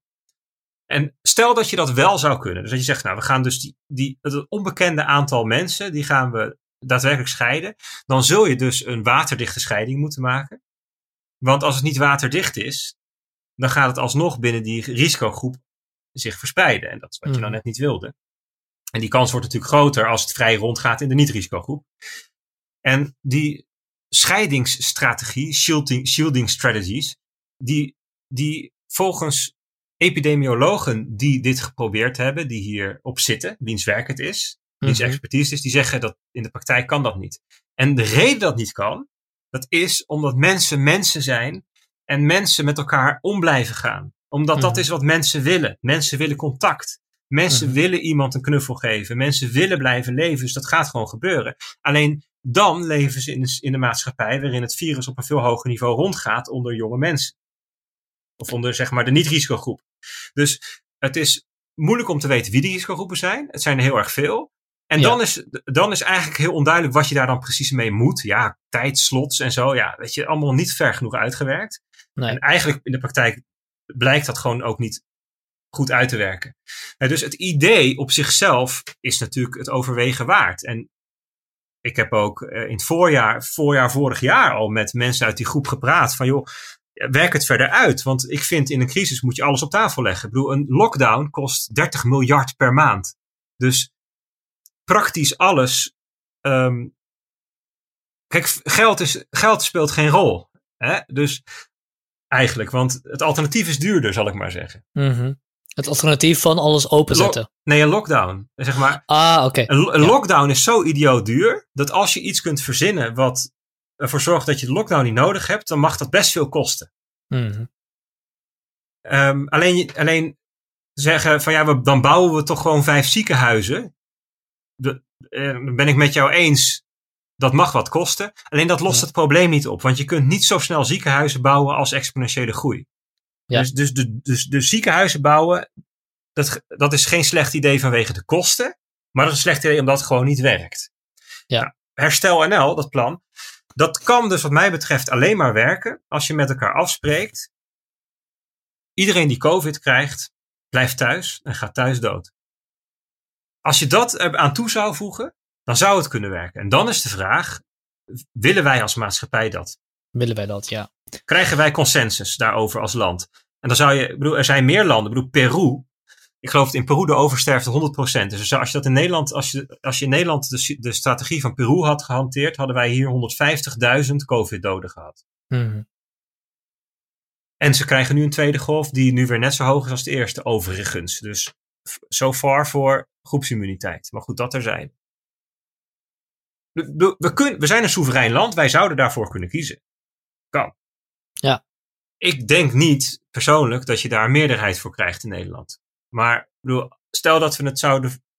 Ja, ik, ik denk voor zoiets zou je haast een referendum moeten doen. Want dit is natuurlijk zo impactvol. Maar goed, stel dat je hiervoor zou gaan, dan zou je denk ik dat eraan toe moeten voegen. Dan zou je het mhm. kunnen proberen. Ja, ja, interessant. Uh, nog één ding wat je, wat je zei over, uh, over die jongeren. Uh, namelijk, dus, dus nu, nu hebben we ook een situatie waarin mensen, mensen zijn en een knuffel en dergelijke en alsnog de regels over, of de adviezen overtreden. Maar als je dat zou doen in een situatie waarin alle niet-risicogroepen gewoon vrij zijn om te leven en de risicogroepen dat niet zijn, zit er onder de niet-risicogroepen veel meer, veel meer geïnfecteerde mensen. Dus op het moment dat in die situatie mensen dus gewoon mensen zijn, ga je uiteindelijk veel meer besmettingen krijgen, want die virus is gewoon veel, veel, veel sterker actief. Klopt, dus, dat is verhaal, ja. Ja, dus je zou eigenlijk zeggen dat, dat, dat herstel, zo'n herstel NL-plan of zo'n shieldingsplan, doordat mensen mensen zijn, eigenlijk zou ze zorgen voor meer besmettingen in plaats van minder. Nee, maar dat is ook, dat is ook wat ze willen. Ze willen eigenlijk dat in de niet-risicogroepen um, iedereen besmet raakt. Ja. Zodat je daar, dat, dat, hun idee dat je een groepsimmuniteit krijgt door de niet-risicogroepen. Dus ja. ze willen eigenlijk dat in Nederland, laten we zeggen, van de 17 miljoen, geloof ik, hè, mensen. Ja. Dat, dat, dat ongeveer 8 miljoen, 9 miljoen, 10 miljoen het krijgt. Dat zou ik Ja. het liefste hebben. Kijk, en dan, dan eh, zit, zit ik zelf nog wel met ehm, dat, dat. Ik vind het nog steeds plausibel dat een flink percentage van die 10 miljoen mensen die het dan krijgt, lang last krijgt van long COVID. Ja, Dus- dat, is, dat is nog een- inderdaad een heel ander, ander verhaal die, die Ja. we nog niet besproken hebben. Het feit dat je niet alleen maar doodgaat, maar ook nog... Ja, ik heb zelf in mijn, in mijn bedrijf heb ik een paar mensen die corona hebben gehad. Ik bedoel, dat is logisch. Hè? Ik bedoel, als 15% van Nederland het krijgt, krijgt van mijn 50 medewerkers krijgen ook zoveel. Hè? en er zitten, zitten mensen bij die daar echt, die nog steeds op dit moment arbeidsongeschikt zijn. Die, die nog steeds voor gedeelte ziek zijn na zoveel maanden. En in mijn omgeving ken ik er een aantal die gewoon echt na een half jaar super, super fitte mensen. Maar het punt is, we hebben geen hele goede cijfers erover. We weten niet Precies hoe dat hoeveel het echt gaat. En we weten ook niet of, het over tien, of ze over tien jaar nog steeds last hebben. Ehm, Ja. De mensen van Herstel NL die zeggen, joh, Bert, maak je, niet, maak je geen zorgen. Ze herstellen allemaal. En het gebeurt zelden dat iemand langer dan een half jaar ziek is. Dat is wat zij zeggen. Ja, er zijn ook mensen die zeggen wat anders. Ik weet het niet. Ik, ik, voor mij is het een onzekerheid.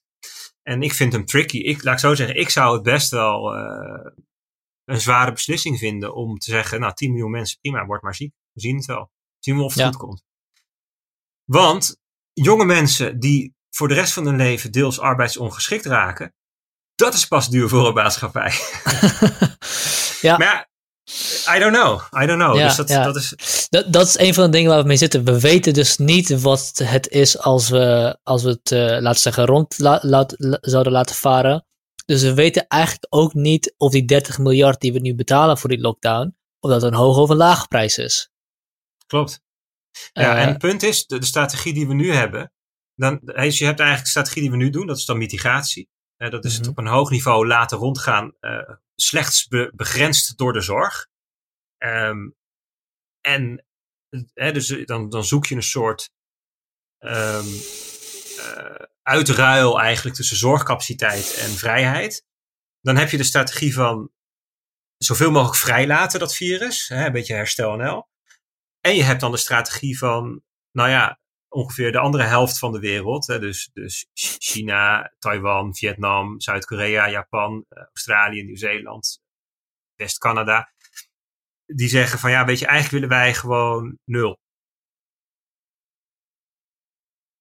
En kijk, op dit moment zitten we midden in de situatie van mitigatie. Dat is, dat is ehm, een gegeven geworden. Want weet je, het gaat nu op zo'n hoog niveau rond. Je kunt niet, je kunt niet zomaar vrijlaten nu. En je kunt het ook niet zomaar terugbrengen naar nul nu.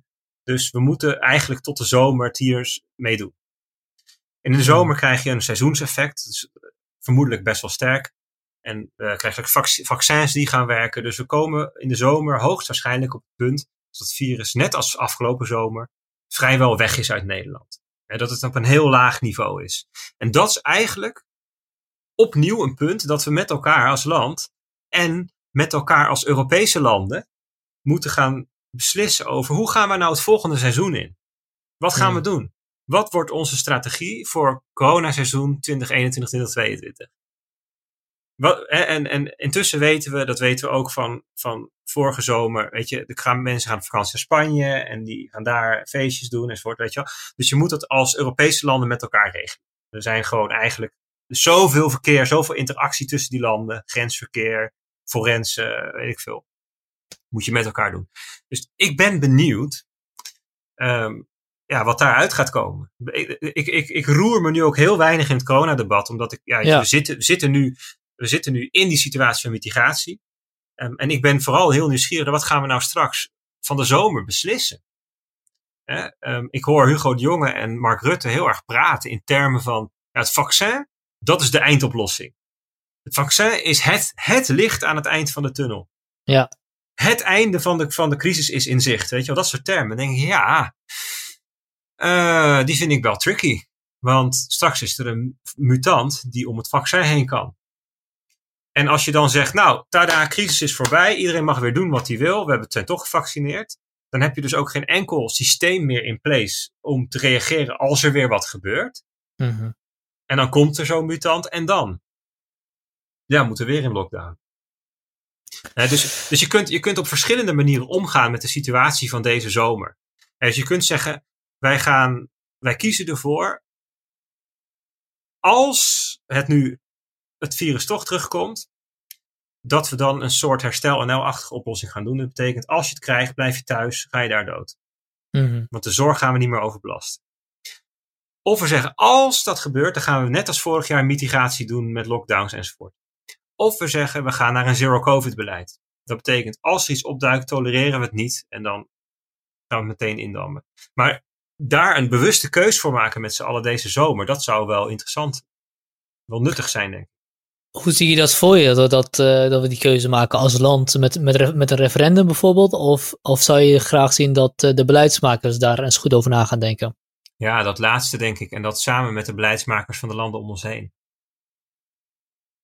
Het gesprek wordt in Duitsland al wat meer gevoerd. Hè. Angela Merkel die heeft een aantal keer uh, ter sprake gebracht. Christian Drosten ook. Um, merkt daar ook dat er nogal wat um, discussie is tussen de Bundesländer.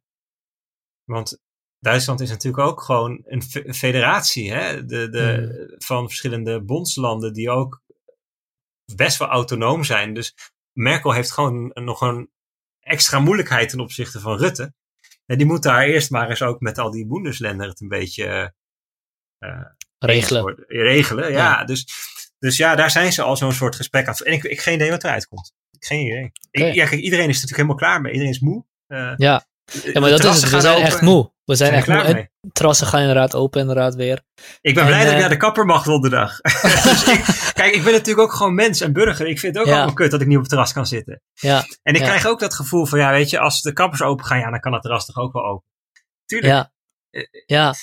Niets het is ook, het is natuurlijk, kijk, het is ook, kijk, als, dit, als, als we ervan uitgaan dat, dat het corona, COVID-19 is en uh, na een jaar zijn we klaar, um, is het natuurlijk veel, is die uh, zero COVID uh, en die mitigatiestrategie is veel realistischer. Maar als, het, als we ons moeten voorbereiden voor een uh, nieuwere werkelijkheid waarin pandemieën gewoon een onderdeel worden van ons leven, net als de griep dat is, dan dan wordt de die twee strategieën veel minder aantrekkelijk. Dan wordt, het, dan wordt de strategie van Hester NL een stuk aantrekkelijker. Want we kunnen, we kunnen niet leven in een samenleving die constant op slot moet.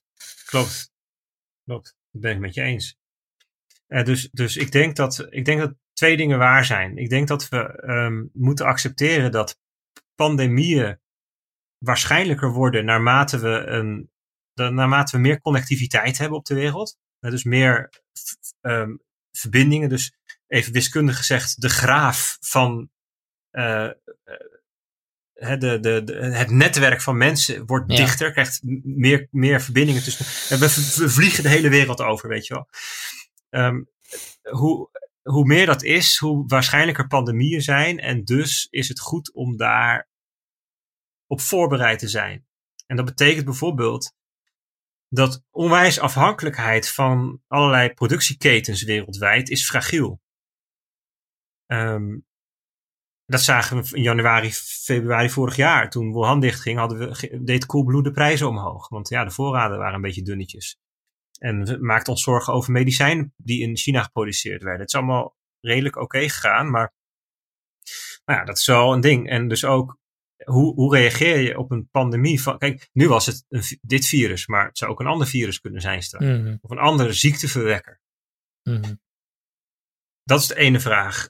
Andere is, ja, wat met corona? Ik bedoel, het is dus blijkbaar zo dat er allerlei varianten ontstaan. er is een hypothese dat varianten op termijn allemaal minder schadelijk worden. Het zou kunnen. Dat, dat, dat dat over een aantal jaar alle varianten mild zijn. En dat we eigenlijk ons geen zorgen meer over hoeven te maken. En dat is, dat, is, dat is een perspectief dat vaak gegeven wordt. Hè? Van het wordt net als de griep, net als de norovirus, als rhinovirus, wordt het gewoon een virusje. En nou ja, no, no big deal. daarover, ik vraag me af hoe. Kijk, als je inderdaad, de eindstation van een, uh, van een mutatie of van, van verschillende mutaties zal ertoe leiden dat het besmettelijker wordt, maar minder gevaarlijk. Want anders kan, het, kan die virus zich niet propageren. Die mutaties die minder gevaarlijk zijn, minder dodelijk zijn, maar, maar besmettelijker zijn, zullen uiteindelijk overleven tegenover degene die dodelijker zijn en minder besmettelijk. Maar dat is geen argument, of dat is geen reden om te denken dat het over, over een jaar of drie jaar of vier jaar we minder besmettelijke, minder dodelijke coronavirus hebben. Het kan namelijk zo zijn dat die besmettelijkheid en dodelijkheid hand in hand gaan voor heel lang. Ja. Uh, totdat, totdat we. Het is net als, uh, hoe moet ik het zeggen, met roulette. Uh, je kan met roulette, uh, kun je eigenlijk, je zou het spel kunnen verslaan door altijd op zwart te gooien en constant je inzet te verdubbelen. Maar het wil niet zeggen dat je niet, je, dat je, dat je niet jezelf kapot kan maken doordat je gewoon heel vaak rood hebt en het nooit op die, op, op, op die zwart aankomt. nou ja, goed. En dan heb je bij roulette ook nog eens de nul, die geen kleur heeft. Ja. Zodat de bank uiteindelijk altijd wint. Nee, maar nee, je, hebt, je, hebt, je hebt gelijk. Dus dat, er, dat zit een grote onzekerheid in die hypothese en in die aanpak. Dus het kan maar zo zijn dat, het, dat, dat als je vaccins hebt. Um, en hele goede sneltesten hebt. En de hele wereld um, een soort van convergeert naar zero covid. Dat het dan heel aantrekkelijk is om voor zero covid te gaan. Het kan zijn dat als je merkt dat um, dat mutaties allemaal veel minder dodelijk worden en zo. Dat je dan op een gegeven moment zegt, ja, misschien is het nu prima om het maar gewoon endemisch te laten worden. Dus eh, zeg maar nieuwe kennis, nieuwe inzichten. Eh, als je op een gegeven moment over een paar jaar weet dat iedereen die in 2020 eh, COVID heeft gehad, dat die nu helemaal hersteld is. Stel dat je dat weet, dat er echt, echt geen blijvende schade is. Naarmate de kennis vordert, naarmate je meer weet, wordt ook duidelijker welke strategie gunstiger is. Je, je, je staartrisico verdwijnt, je, je tail risk. Ja. zeg maar, de, de, de, de, de, de, de onverwachte catastrofe die verdwijnt uit de, uit de set van mogelijkheden. Ja, ja, ja. We moeten nog veel leren. Daar ja, komt het een beetje op neer. Daar komt het op neer. ja. Nou ja, um, ik denk dat we nog uh, uren kunnen doorpraten, maar ik merk dat ik uh, moe word na twee, twee uur van zulke gesprekken. um, dus als jij, er zijn nog dingen die jij wil benoemen of bespreken? Nee man, vond het leuk. Nee. Oké, ja. Ik vond het ook heel leuk. en misschien kunnen we ergens in de zomer eens kijken of we over de nieuwe strategie van, van de Bundesländer en Europa kunnen praten. Dat zou misschien wel interessant kunnen zijn. Zeker. ja. Dankjewel. Graag gedaan.